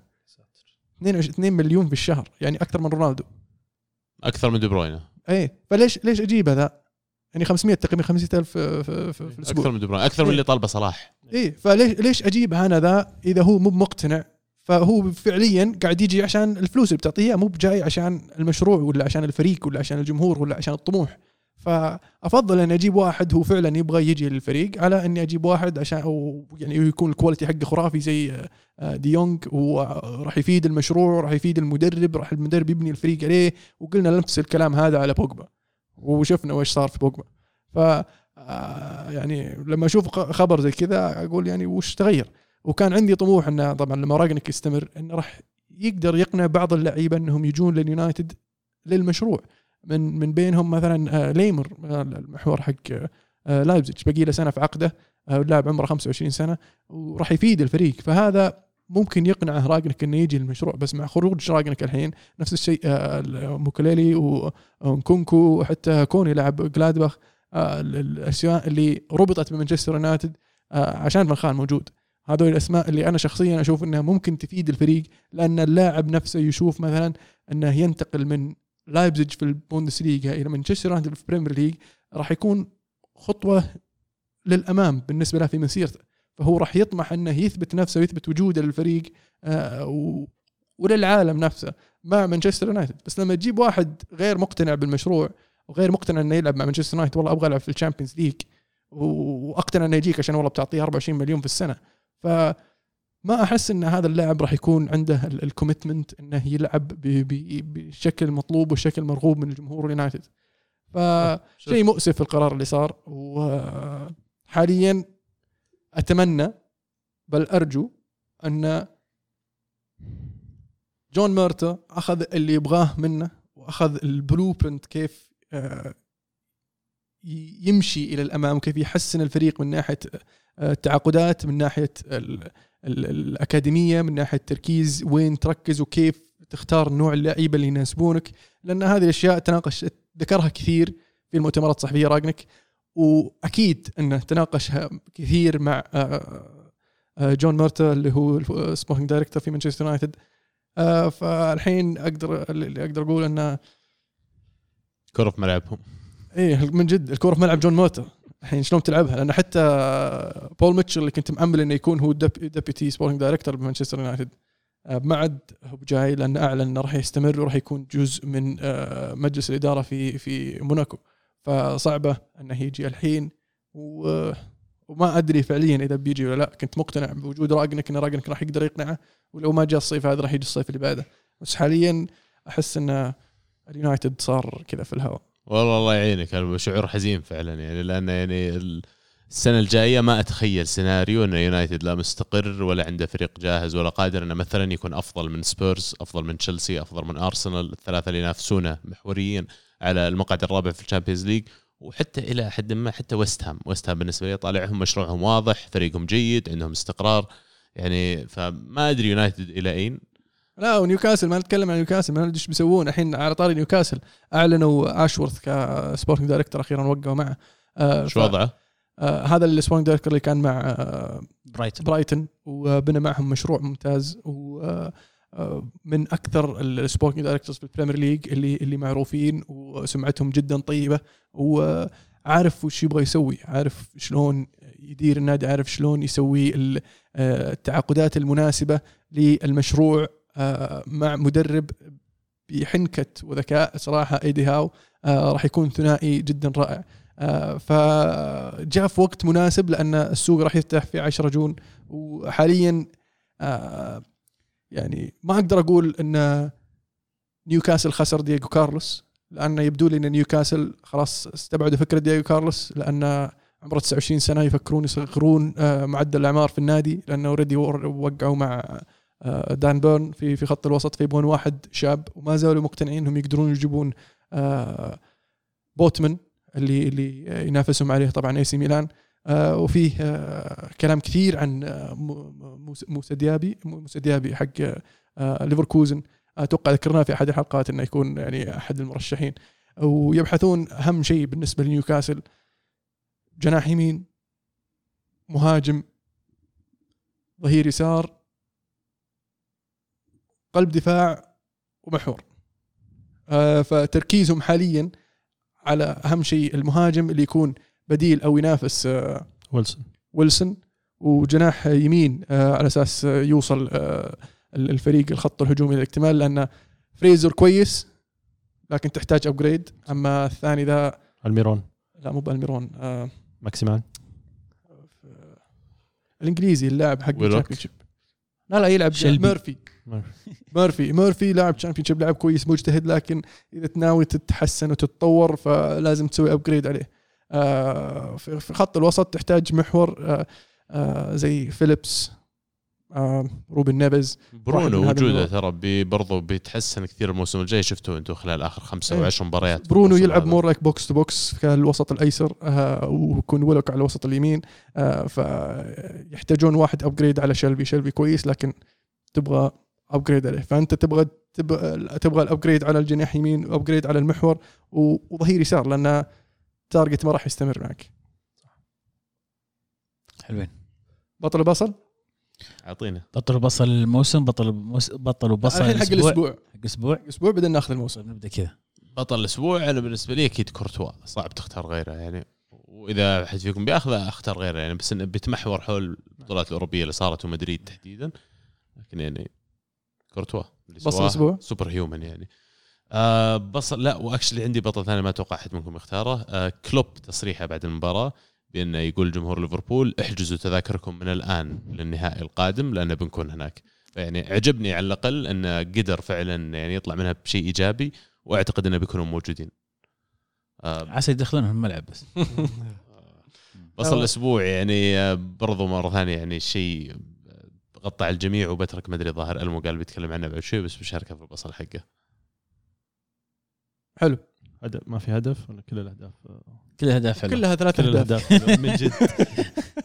قاعد أفكر بالدوري الفرنسي سانت تيان شيء طيب ما دام إنها كلها ثلاث أهداف أنا مختار هدف زانيولو بصراحة.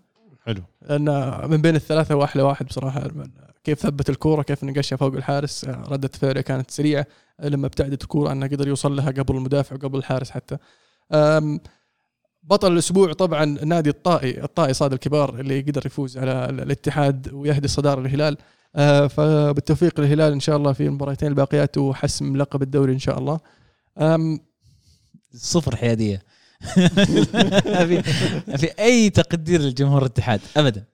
يعني ترى الدوري باقي فيه مبارتين لسه. إي طيب ما أنا قلت يعني ولا الهلال ترى بيلعب مع الفتح الهلال. إي فقلت بالتوفيق للهلال في. إيه، المباراتين ف- القادمة وإن شاء الله يحسم الدوري. ما قلت إن الهلال فاز بالدوري خلاص ابدا. ما بعد خلص الدوري. بس اللي الهلال صار متصدر. بصل طيب. أم، بصل الأسبوع بصراحة لقطة هدف آه، بنزيما الأول اللي أنا غير مقتنع حتى الآن شلون تسلل. يعني أنا كان ودي اناقشها معك يا عبد الرحمن في في في الحلقة بس آه، ناقشها سولفنا كثير. ناقشها الحين اي فما الحين ما دام اني إنها جبنا الطاري يعني. ال الكورة وصلت لبنزيما من المدافع وليست من المهاجم. يعني العذر كان. والله آه غير مقصودة. بس دقيقة أنت قاعد تناقشها مع واحد يتفق معك في الرأي. لا لا بقول لا أنا وش الفائده؟ عشان نعرف. بس كمل- أنت, انت كمل. تشوف إنها جول وأنت تشوف إنها جول بعد؟ أب- بس أنا أشوف إنها مو جول أنا أشوف انه مو جول. العذر العذر معنا. العذر إنها غير مقصودة. متى اللاعب يقصد إنها يعطيها المهاجم؟ أول شيء. ثاني شيء صارت حالة نفسها في نهائي إيش كان اسمه؟ ال- البطوله المنتخب ذا المنتخبات الجديدة مع فرنسا و- فرنسا. و- واسبانيا ال Nations League اي إيه. فرنسا وإسبانيا. فيعني وهناك مبابي متسلل.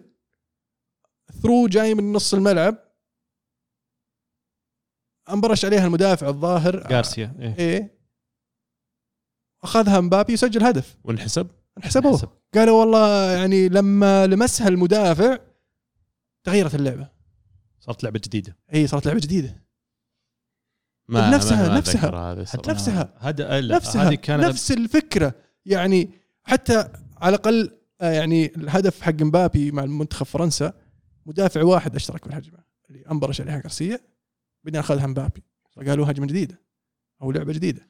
لكن في هذه آه فالفيردي شات الكورة انبرش عليها اثنين. انبرش عليها آه كوناتي. كوناتي من اليمين وفابينو من اليسار. فصقعت في كوناتي بعدين صقعت في فابينيو ثم راحت لبنزيما فيعني ما تعتبر لعبة جديدة؟ لأن ما صقعت مدافع واحد صقعت مدافعين. بالنسبة لي لا. اثنين. طق طق. لأن لحظة شوتة فالفيردي كان already في موقع التسلل ففي العادة صح. ال reference في الأشياء هذه لحظة لعب الكرة. مو بقال لك لحظة مناولته له ولا غيره بس أول ما بدت فعلا اللعبة هذه كان already offside إي لو بس. لو هو مناولها البنزيما أقول لك أوكي. ده بغض النظر شفت؟ الحين لو عرضية لو عرضية الحين شفت شلون؟ عرضية. اللاعب متسلل بس المدافع نط وطقها براسه ثم وصلت المتسلل إذا لحظة لعب العرضية كان متسلل المفروض اوف هذا ترى إيه، قانون. سا- قديم. أنا شوف. أنا أنا ما أقارن باللي صار في إيه. ال Nations League لأن ما أدري يعني في الأخير أشعر إنها ما لها علاقة في بعض في الأخير هو قرار حكم نفس داخل المباراة. قد قد يكون قصدي مو أخطاء كمبيوتر الأول، يعني، اللي يقرر. اي في حكم في حكم بس. عنده تقدير. هذا أول شيء. في حالة تقديرية. هذا واحد. اثنين أنا ناسي بالضبط تفاصيل حقت مبابي. أتذكر كان في كان في شوشرة بس ما أتذكر بالضبط تفاصيلها. أنا بتكلم عن الحالة هذه بس.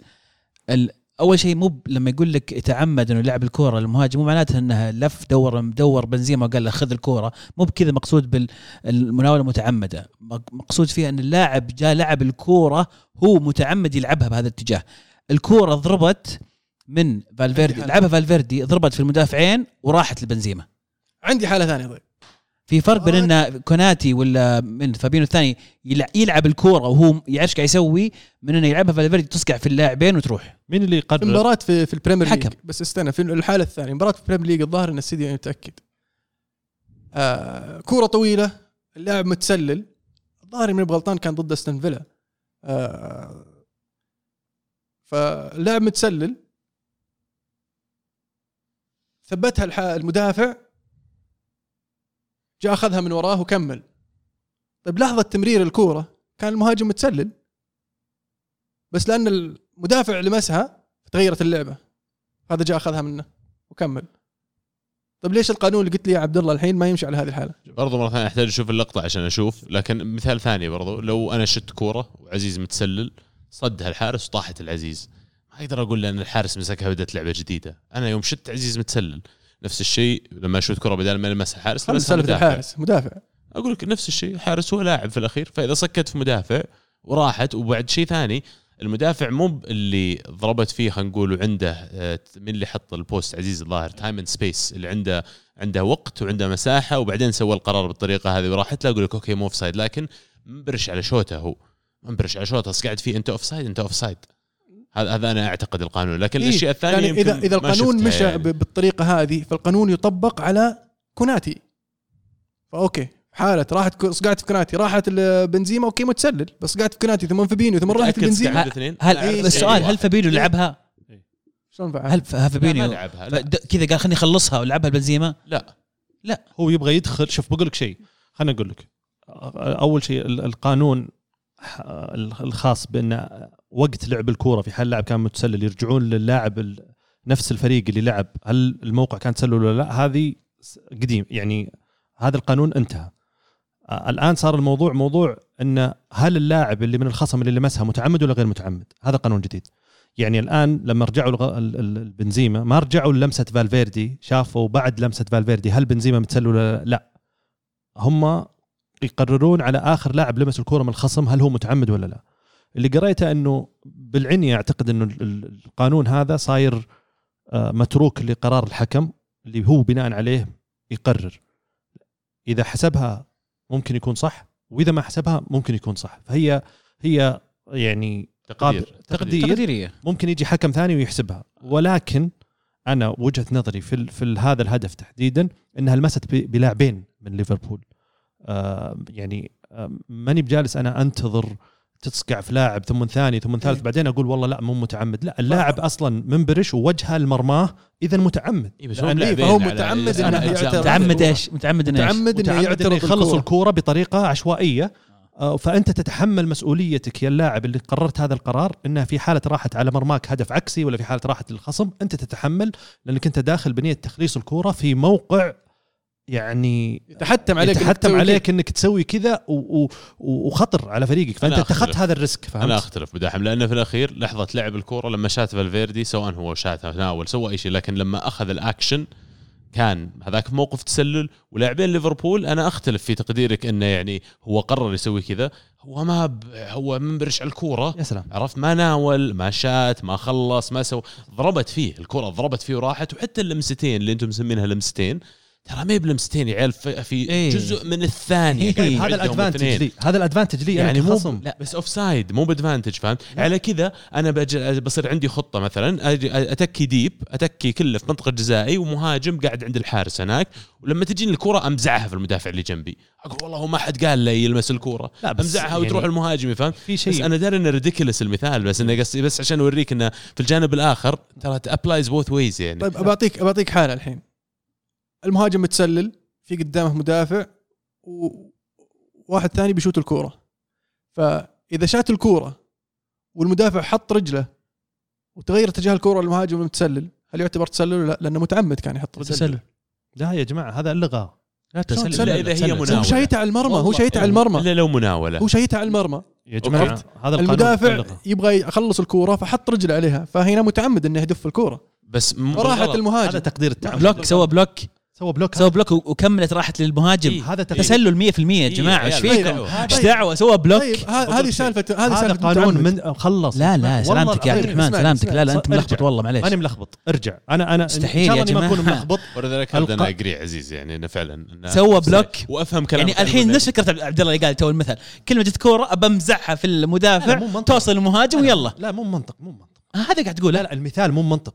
المثال إنك أنت تجي هذا ما تصير ذي في كرة القدم أنا نتكلم عن حالات already تصير block لا انبر ولاعب انبرش في منطقة. ال block ما يعتبر لعبة متعمدة أنا شوف block شوف، ما- مو معناته لعبته. عشان ما عشان ما أجزم بنبحث عن الموضوع و- إيه. وبنشوف الم... القانون الخاص بأن اللاعب إذا كان في حالة تسلل وصقعت قبل ما توصل له مدافع من الخصم بس يرجعون لآخر لاعب من نفس فريقه لمسها ولا لا؟ هذا قانون منتهي بحكم إن القانون الجديد يرجع للاعب الخصم اللي لمسها آخر لاعب. يشوفون هو متعمد ولا لا؟ بنفس يعني الحالة ال block هذا ال block هذا ولا قاطعك ألمو ال block هذا ما راح يشوفون ما راح يرجعون لمين آخر لاعب لمسها من الخص الفريق ويشوفون وصلته اللاعب هذا متسلل ولا لا؟ لا. بيرجعون ل- ل- لتقديرهم للمسة ال- اللي اللاعب سوى البلوك. هل هذا متعمد ولا لا؟ نفس إذا متعمد إذا اعتبروها تقديريا متعمد فهو تسلل.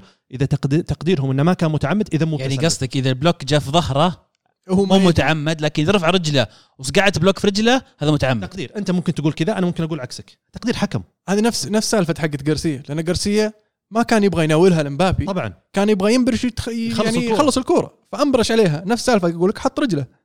حط رجله على الكورة تغير اتجاهها راحت لمبابي المتسلل كمل. واصلا حسب الحكم إنه من المدافع. ترى إيه بس اسومنج أنت الوقت والمساحة. صح إن القرار هذا حق هدف مبابي صح. أنا ما أتذكر يعني اللقطة الصراحه تحديدا بس قد تكون ترى قرار الحكم في ذيك المباراة خطأ. لا ننسى نقطة مهمة يا جماعة. الوقت والمساحة قالها عبد الله قبل شوي.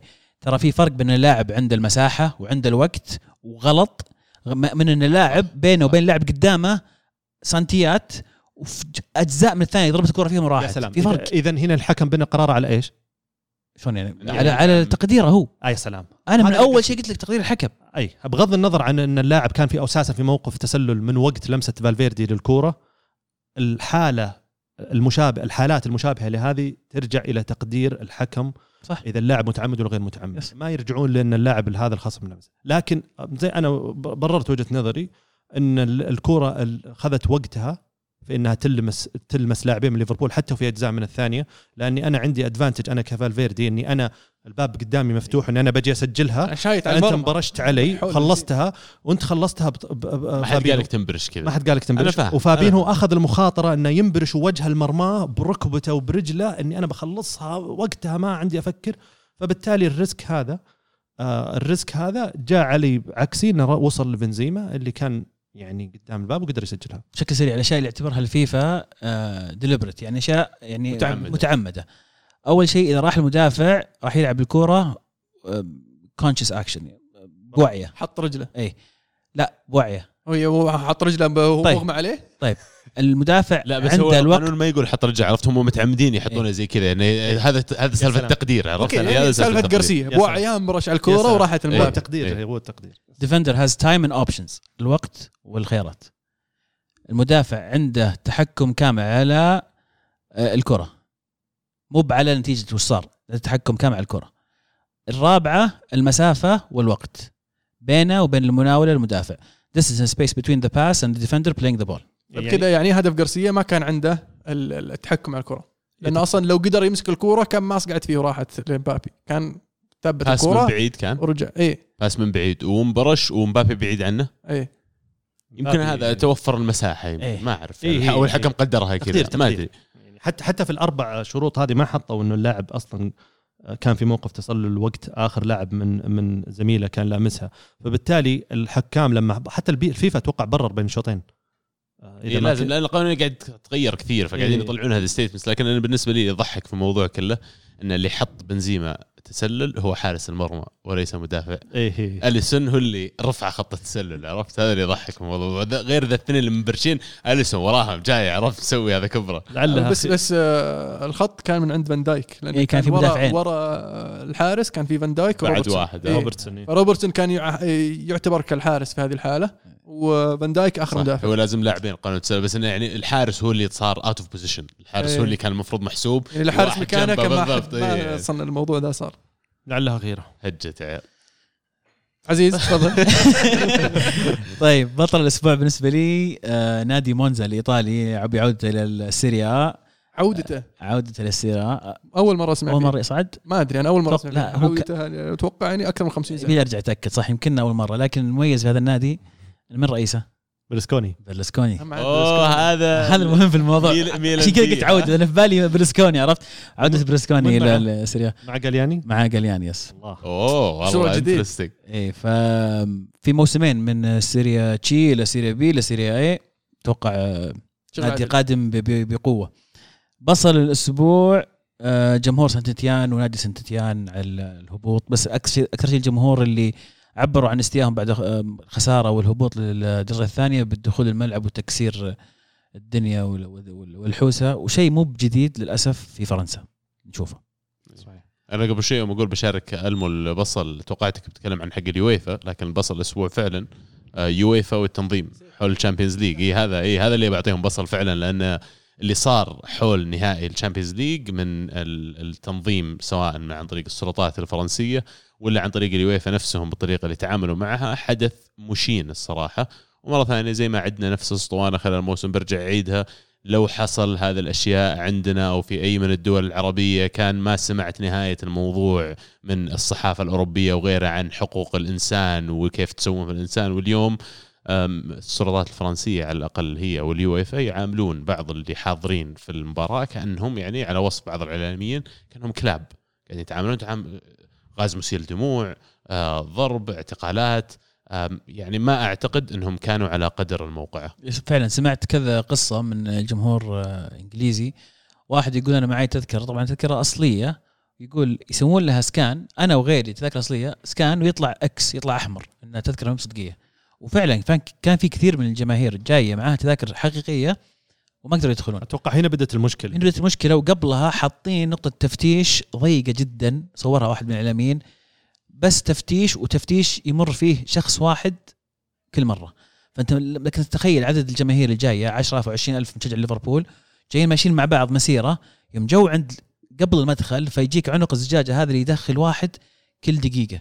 فبعدها تنتظر كمان ساعتين ثلاث ساعات عند البوابة وهذه عند البوابة يجونك يجونك عاد ال- اللي قالهم عبد الله يرمون مسيل الدموع والغازات والأشياء هذه. غير غير اللي رايح مع عياله وأبناء الصغار موديهم مباراة زي كذا وفي الأخير تصير هذه المواقف الغريبة. ففعلا يعني فشل من جميع جميع النواحي. كثير ناس عزيز معهم تذاكر يقال إنه يوم جو شافوا السالفة كذا هونوا ورجعوا بيوتهم. اشوني يعني- أشوني ما رحت. يعني لا صراحة يعني حدث زي نهائي الشامبيونز ليج تلاقي طول عمري أخطط أبغى أحضر واحد ويطلع لي ticket وأروح وأشتريها وبعدين دافع. يصير شيء زي كذا يعني لا عذر ولا عزاء لهم. اللي صار تنظيم كارثي اللي صار فعلا شيء يستوجب إن أول شيء يتحملون مسؤوليته كاملة وما أدري وش صراحة تكلموا لكن يعني فعلا الفائز أكبر فلورنتينو بيريز اللي ينادي ببطولة السوبر ليج. آخذ بطولتكم وأوريكم قديش ما أبغى ألعب فيها بتلعبوني غصب باخذها وبفرح قدامك بتوج قدام جنبك. النوايا أنت السيئة اللي بتتوجني مو بتتوج جنبي. هو اللي هو اللي بيتوج النوايا السيئة دايما هذه نتائجها لل- لل- للأسف هذه يعني. اختيار اختيار باريس آه، كمقر لنهائي الشامبيونز ليج كان اختيار بالنسبة لي غير منطقي أو غير يعني آه، ما ما أدري. أنا أحس إنه كان المفروض فرنسا أصلا يعني يحرمونها من استضافة يعني بطولات بهذا القيمة أو بهذه الأهمية. شفنا اللي صار في آه، أنا أعرف إن حجم ممكن المباراة تختلف وتتطلب مدينة خلينا نقول كبيرة أو مدينة عندها القدرة إنها تستقبل حجم كبير من المشجعين ولكن في أعتقد في مدن كثيرة وفي بلدان كثيرة آه، يعني كانت تستحق إنها تستضيف هذه آه، هذه البطولة. وشفنا اللي صار في نهاية ال Conference League في في تيرانا. آه، كانت أجواء خرافية وكل العالم كانت تتكلم عن التنظيم مع العلم إنه كانت في عدد كبير ومهول آه، من الجماهير الهولندية والإيطالية وكل اللي راح نعرف شباب راحوا مشجعين روما انبسطوا مره يقولون كانت تجربة من وقت دخولنا المطار لين ما رجعنا المطار كانت أكثر من رائعة. والمدينة نفسها كانت حلوة وعرفنا مدينة ما عمرنا قد شفناها وعرفناها من قبل. لكن بعد ما انسحبت من رو- روسيا اختيرت لباريس آه، يعني كانوا يتوقعون أنه باريس كان ممكن يكون طرف في النهايه وبالتالي يتوج باول بطولة Champions League في أرضه وبين جمهوره ولكن للأسف شخصيا كنت متحمس أروح النهائي في سانت بيترسبرغ يعني ما يهم. مين بيروح صح. مين بيوصل بس يوم قالوا النهائي في سانت بيترسبرغ كنت جدا متحمس إني أروح. عشان سانت بيترسبرغ بس يعني حطوه في باريس صح. no one cares أنا ما أختلف عليكم كثير بس عشان ما نطول آه، كورتوا أتفق مع عبد الله كان اصبر- اصبر. نجم سم قبل ما تتفق مع الجميع سم. نبغى بطل وبصل آه، حق هذا. الموسم ما قال حق الأسبوع. أي أنا هذا حق ال- هذا حق الأسبوع أنت ما قلت أنت حق الأسبوع لا لا okay طيب يلا. معكم يعني ما ما أختلف عليكم كثير يعني بحكم إن أصلا المباريات كانت قليلة حتى الأهداف كانت كثيرة البصل الأحداث اللي صارت وقت الدخول البطل آه، كورتوا والهدف يمكن هذا اللي ب- أقوله بسرعة هدف فينيسيوس بما إنه يعني هو الوحيد اللي ما انقال لأن في فكرة. الهدف آه، كان نتيجة 10 لمسات آه، 32 ثانية لين ما وصل آه، الفريق إلى إلى خط المرمى وسجل والشيء الجميل فيه والشيء السحري فيه آه، مودريتش لما نزل سحب ثلاث لعيبة من ليفربول آه، الملعب مدريد ولعب باص بينهم كسر كل الخطوط. ووقت المناولة هذيك الهجمة فعليا صارت صارت خطيرة. عطنا حقة الموسم طيب مرة واحدة. أنا؟ طيب. آه، بطل الموسم يعني بلا شك ما أقدر أقول غير آه، ريال مدريد. آه، الفريق اللي جاء بتوقعات آه، منخفضة جدا انتهى فيه الموسم بتحقيق آه، الدوري الإسباني و Champions League بالإضافة إلى ال Super League آه، أو السوبر السوبر الإسباني عفوا Super League متحمس. السوبر الإسباني آه، ثلاث بطولات في موسم كنا متوقعين منه يعني أقل خلينا نقول البطولات أو على أقل تقدير بعد ما حققنا السوبر الاسباني قلنا هذه بطولة كافية. لكن آه، الشيء اللي دائما يعلمنا إياه هذا الفريق إنه ابدا لا تحد من الطموح ولا تحد من الآمال. آه، اللي تعلقها في هذا الفريق. فشكرا لهم على موسم أكثر أكثر من رائع. يعني طموحك الموسم الجاي الثلاثية. بإذن الله. ال Super League الموسم القادم. دائما مع إني أنا في في في مشاورات اعتزال آه، اعتزال تشجيع. يعني مو بتشجيع حقين مدريد ذولا تشبعوا كروين أتفرج أستمتع. يعني بصير أس... يا أخي أبي أروح أشوف مباريات مدريد مع العالم والناس يا أخي. بالحالي مو بكل ما لا هذا هذه مشكلة فيك. مو بلازم إيه، تعتزل أقول عشان تغير ما- الموضوع يعني ذا لا عشان خلاص أروح أنهزم. تجي العافية مو اذا انهزم أروح أقعد أنوم 13 ساعة وضيق صدري أبي أوصل لهذه المرحله لكن شكلها ما. في للأسف يعني لكن عاد شو نسوي؟ ال- الهدف الموسم في. اهداف في. اهداف في اهداف كثيره والله بس خليني بقول الهدف اللي شخصيا أنا فرحت معه فرحة آه، كبيرة توقيته آه، يمكن الفريق المقابل شوي لكن هدف رودريجو آه، اللي يعتبر تعادل ضد السيتي في في سانتياغو برنابيو ب- التكنيك حق الهدف الارتقاء والراس آه، كل العوامل اللي كانت تساعد في الهدف آه، بالنسبة لي لأنه قريب وأتذكر فرحته كثير. آخ بصل الموسم. يعني ما ما أدري إذا فيه بصل أتوقع الوصل الموسم بالنسبة لك يعني تجديد مبابي مع أوه صح. وكان بصل الأسبوع اللي راح بس هذا الأحداث اللي صارت صراحة معه تعتبر تعتبر بصل بالنسبة لي الموسم. عبد الله؟ مين جاهز؟ آه أنا بالنسبة لي بطل الموسم صراحة يعني أكثر من أحد لكن الاثنين تحديدا ميلان في الدوري الإيطالي اللي رجعته بعد 11 سنة وتحديدا زلاتان يعني اللي كان موجود خلال آخر بطولة دوري تم تحقيقها والآن موجود في هذه البطولة. لاعب لا ينتهي يعني مع انه الآن إصابة وما مو مؤكدة. مشاركته بعد كذا أو حتى يمكن اعتزاله محتمل من كرة القدم. في ال Premier League تحديدا كونتي آه، بطل الموسم اللي جاء انتشل سبيرز من موسم قد يكون سيء. إلى في آخر لحظة رجعهم لل Champions League ولل top four فعلا آه، تغير حظوظ عظيم جدا. آه، بصل الموسم ايفرتون واللي سواه ال- الخربطة اللي سواها خلال هذا الموسم. من تعيين لامبارد وانت ماشي يعني أنا مو بعاجبني صراحة مشروعهم بشكل كامل. بنيتز قبله صح؟ بنيتز بدا الموسم صح. بعدين لامبارد. وإلى الآن أنا أحس وضعهم. إيه يعني هي من بنيتز والله ما أدري إيش وضعهم الصراحه بس انه يستاهلون فعلا. هدف الموسم يعني هدف صلاح اللي اختير كأفضل هدف في ال Premier League هذا الموسم هدف رائع وفعلا كاد يكرره في نهائي ال Champions League بس ما قفلت معه في الأخير بالوتيلي للموسم ابى اعطيه الليدز اللي سووا شيء كويس اللي هم إن قدروا يقعدون في ال Premier League بآخر الموسم.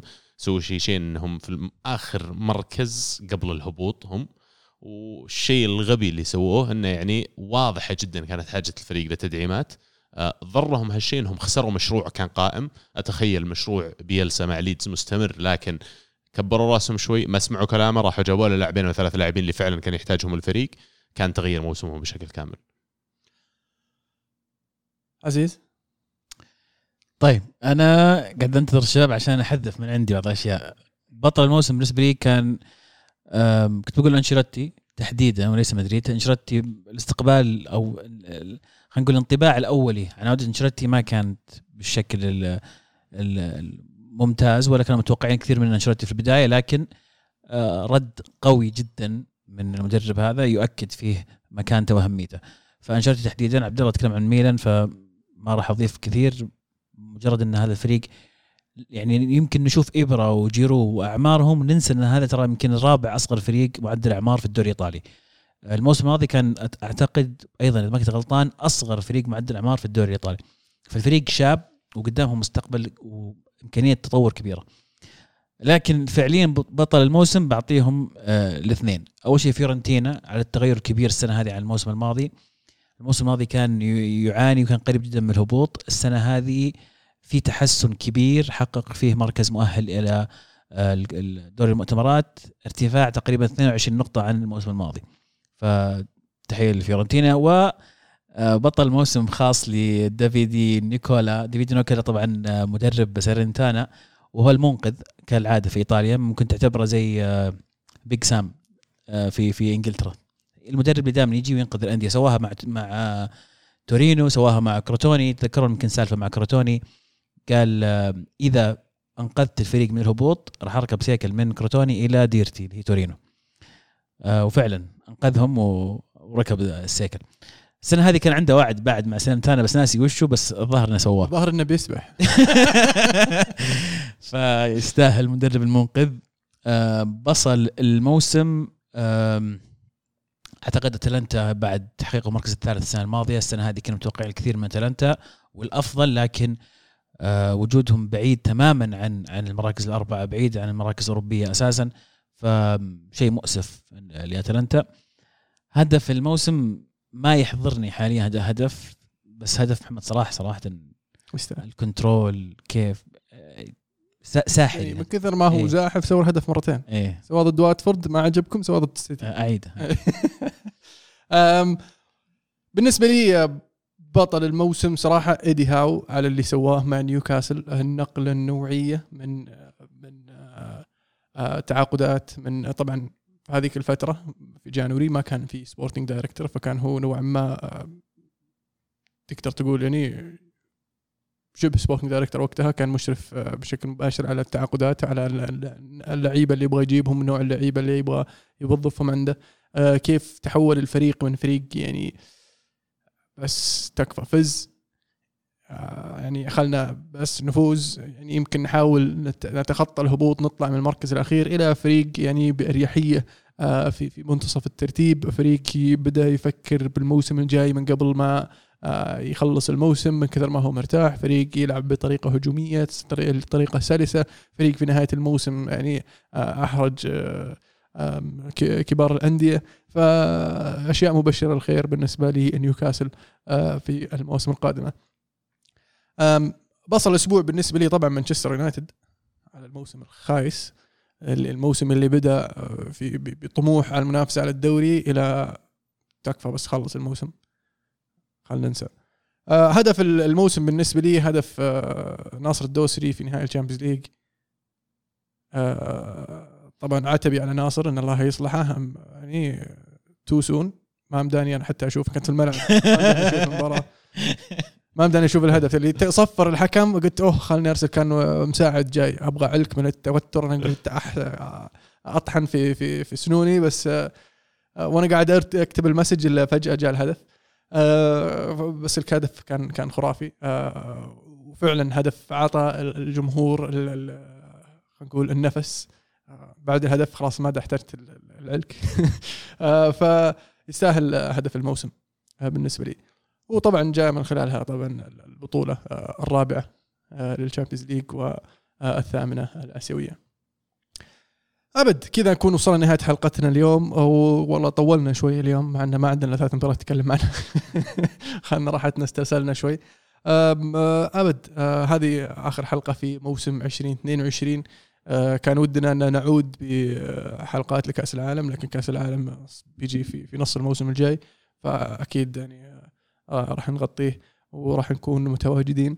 ولا تنسى تتابعنا على تويتر SoundCloud iTunes تسمعنا على جميع برامج ال- آه، البودكاست آه، اللي اللي تفضلها على Apple Podcast ولا Google Podcast ولا حتى أنغامي اللي تبي. كلش آه، متوفر. آه، فما لك عذر تقول والله ما لقيت آه، الكورة معنا. يعطيكم العافية يا شباب. موسم رائع بصراحة. موسم الله جميل يعافيك. موسم جميل جدا آه، بتقلباته وتغيراته. أتوقع الصيف راح يكون قصير السنة هذه لأن المديرات تب- تبدأ أبكر عشان كأس العالم. وحنا إن شاء الله عودتنا أيضا قريبة ما راح نطول. وإن شاء الله عودة أقوى. إن شاء الله. بمحتوى جديد و...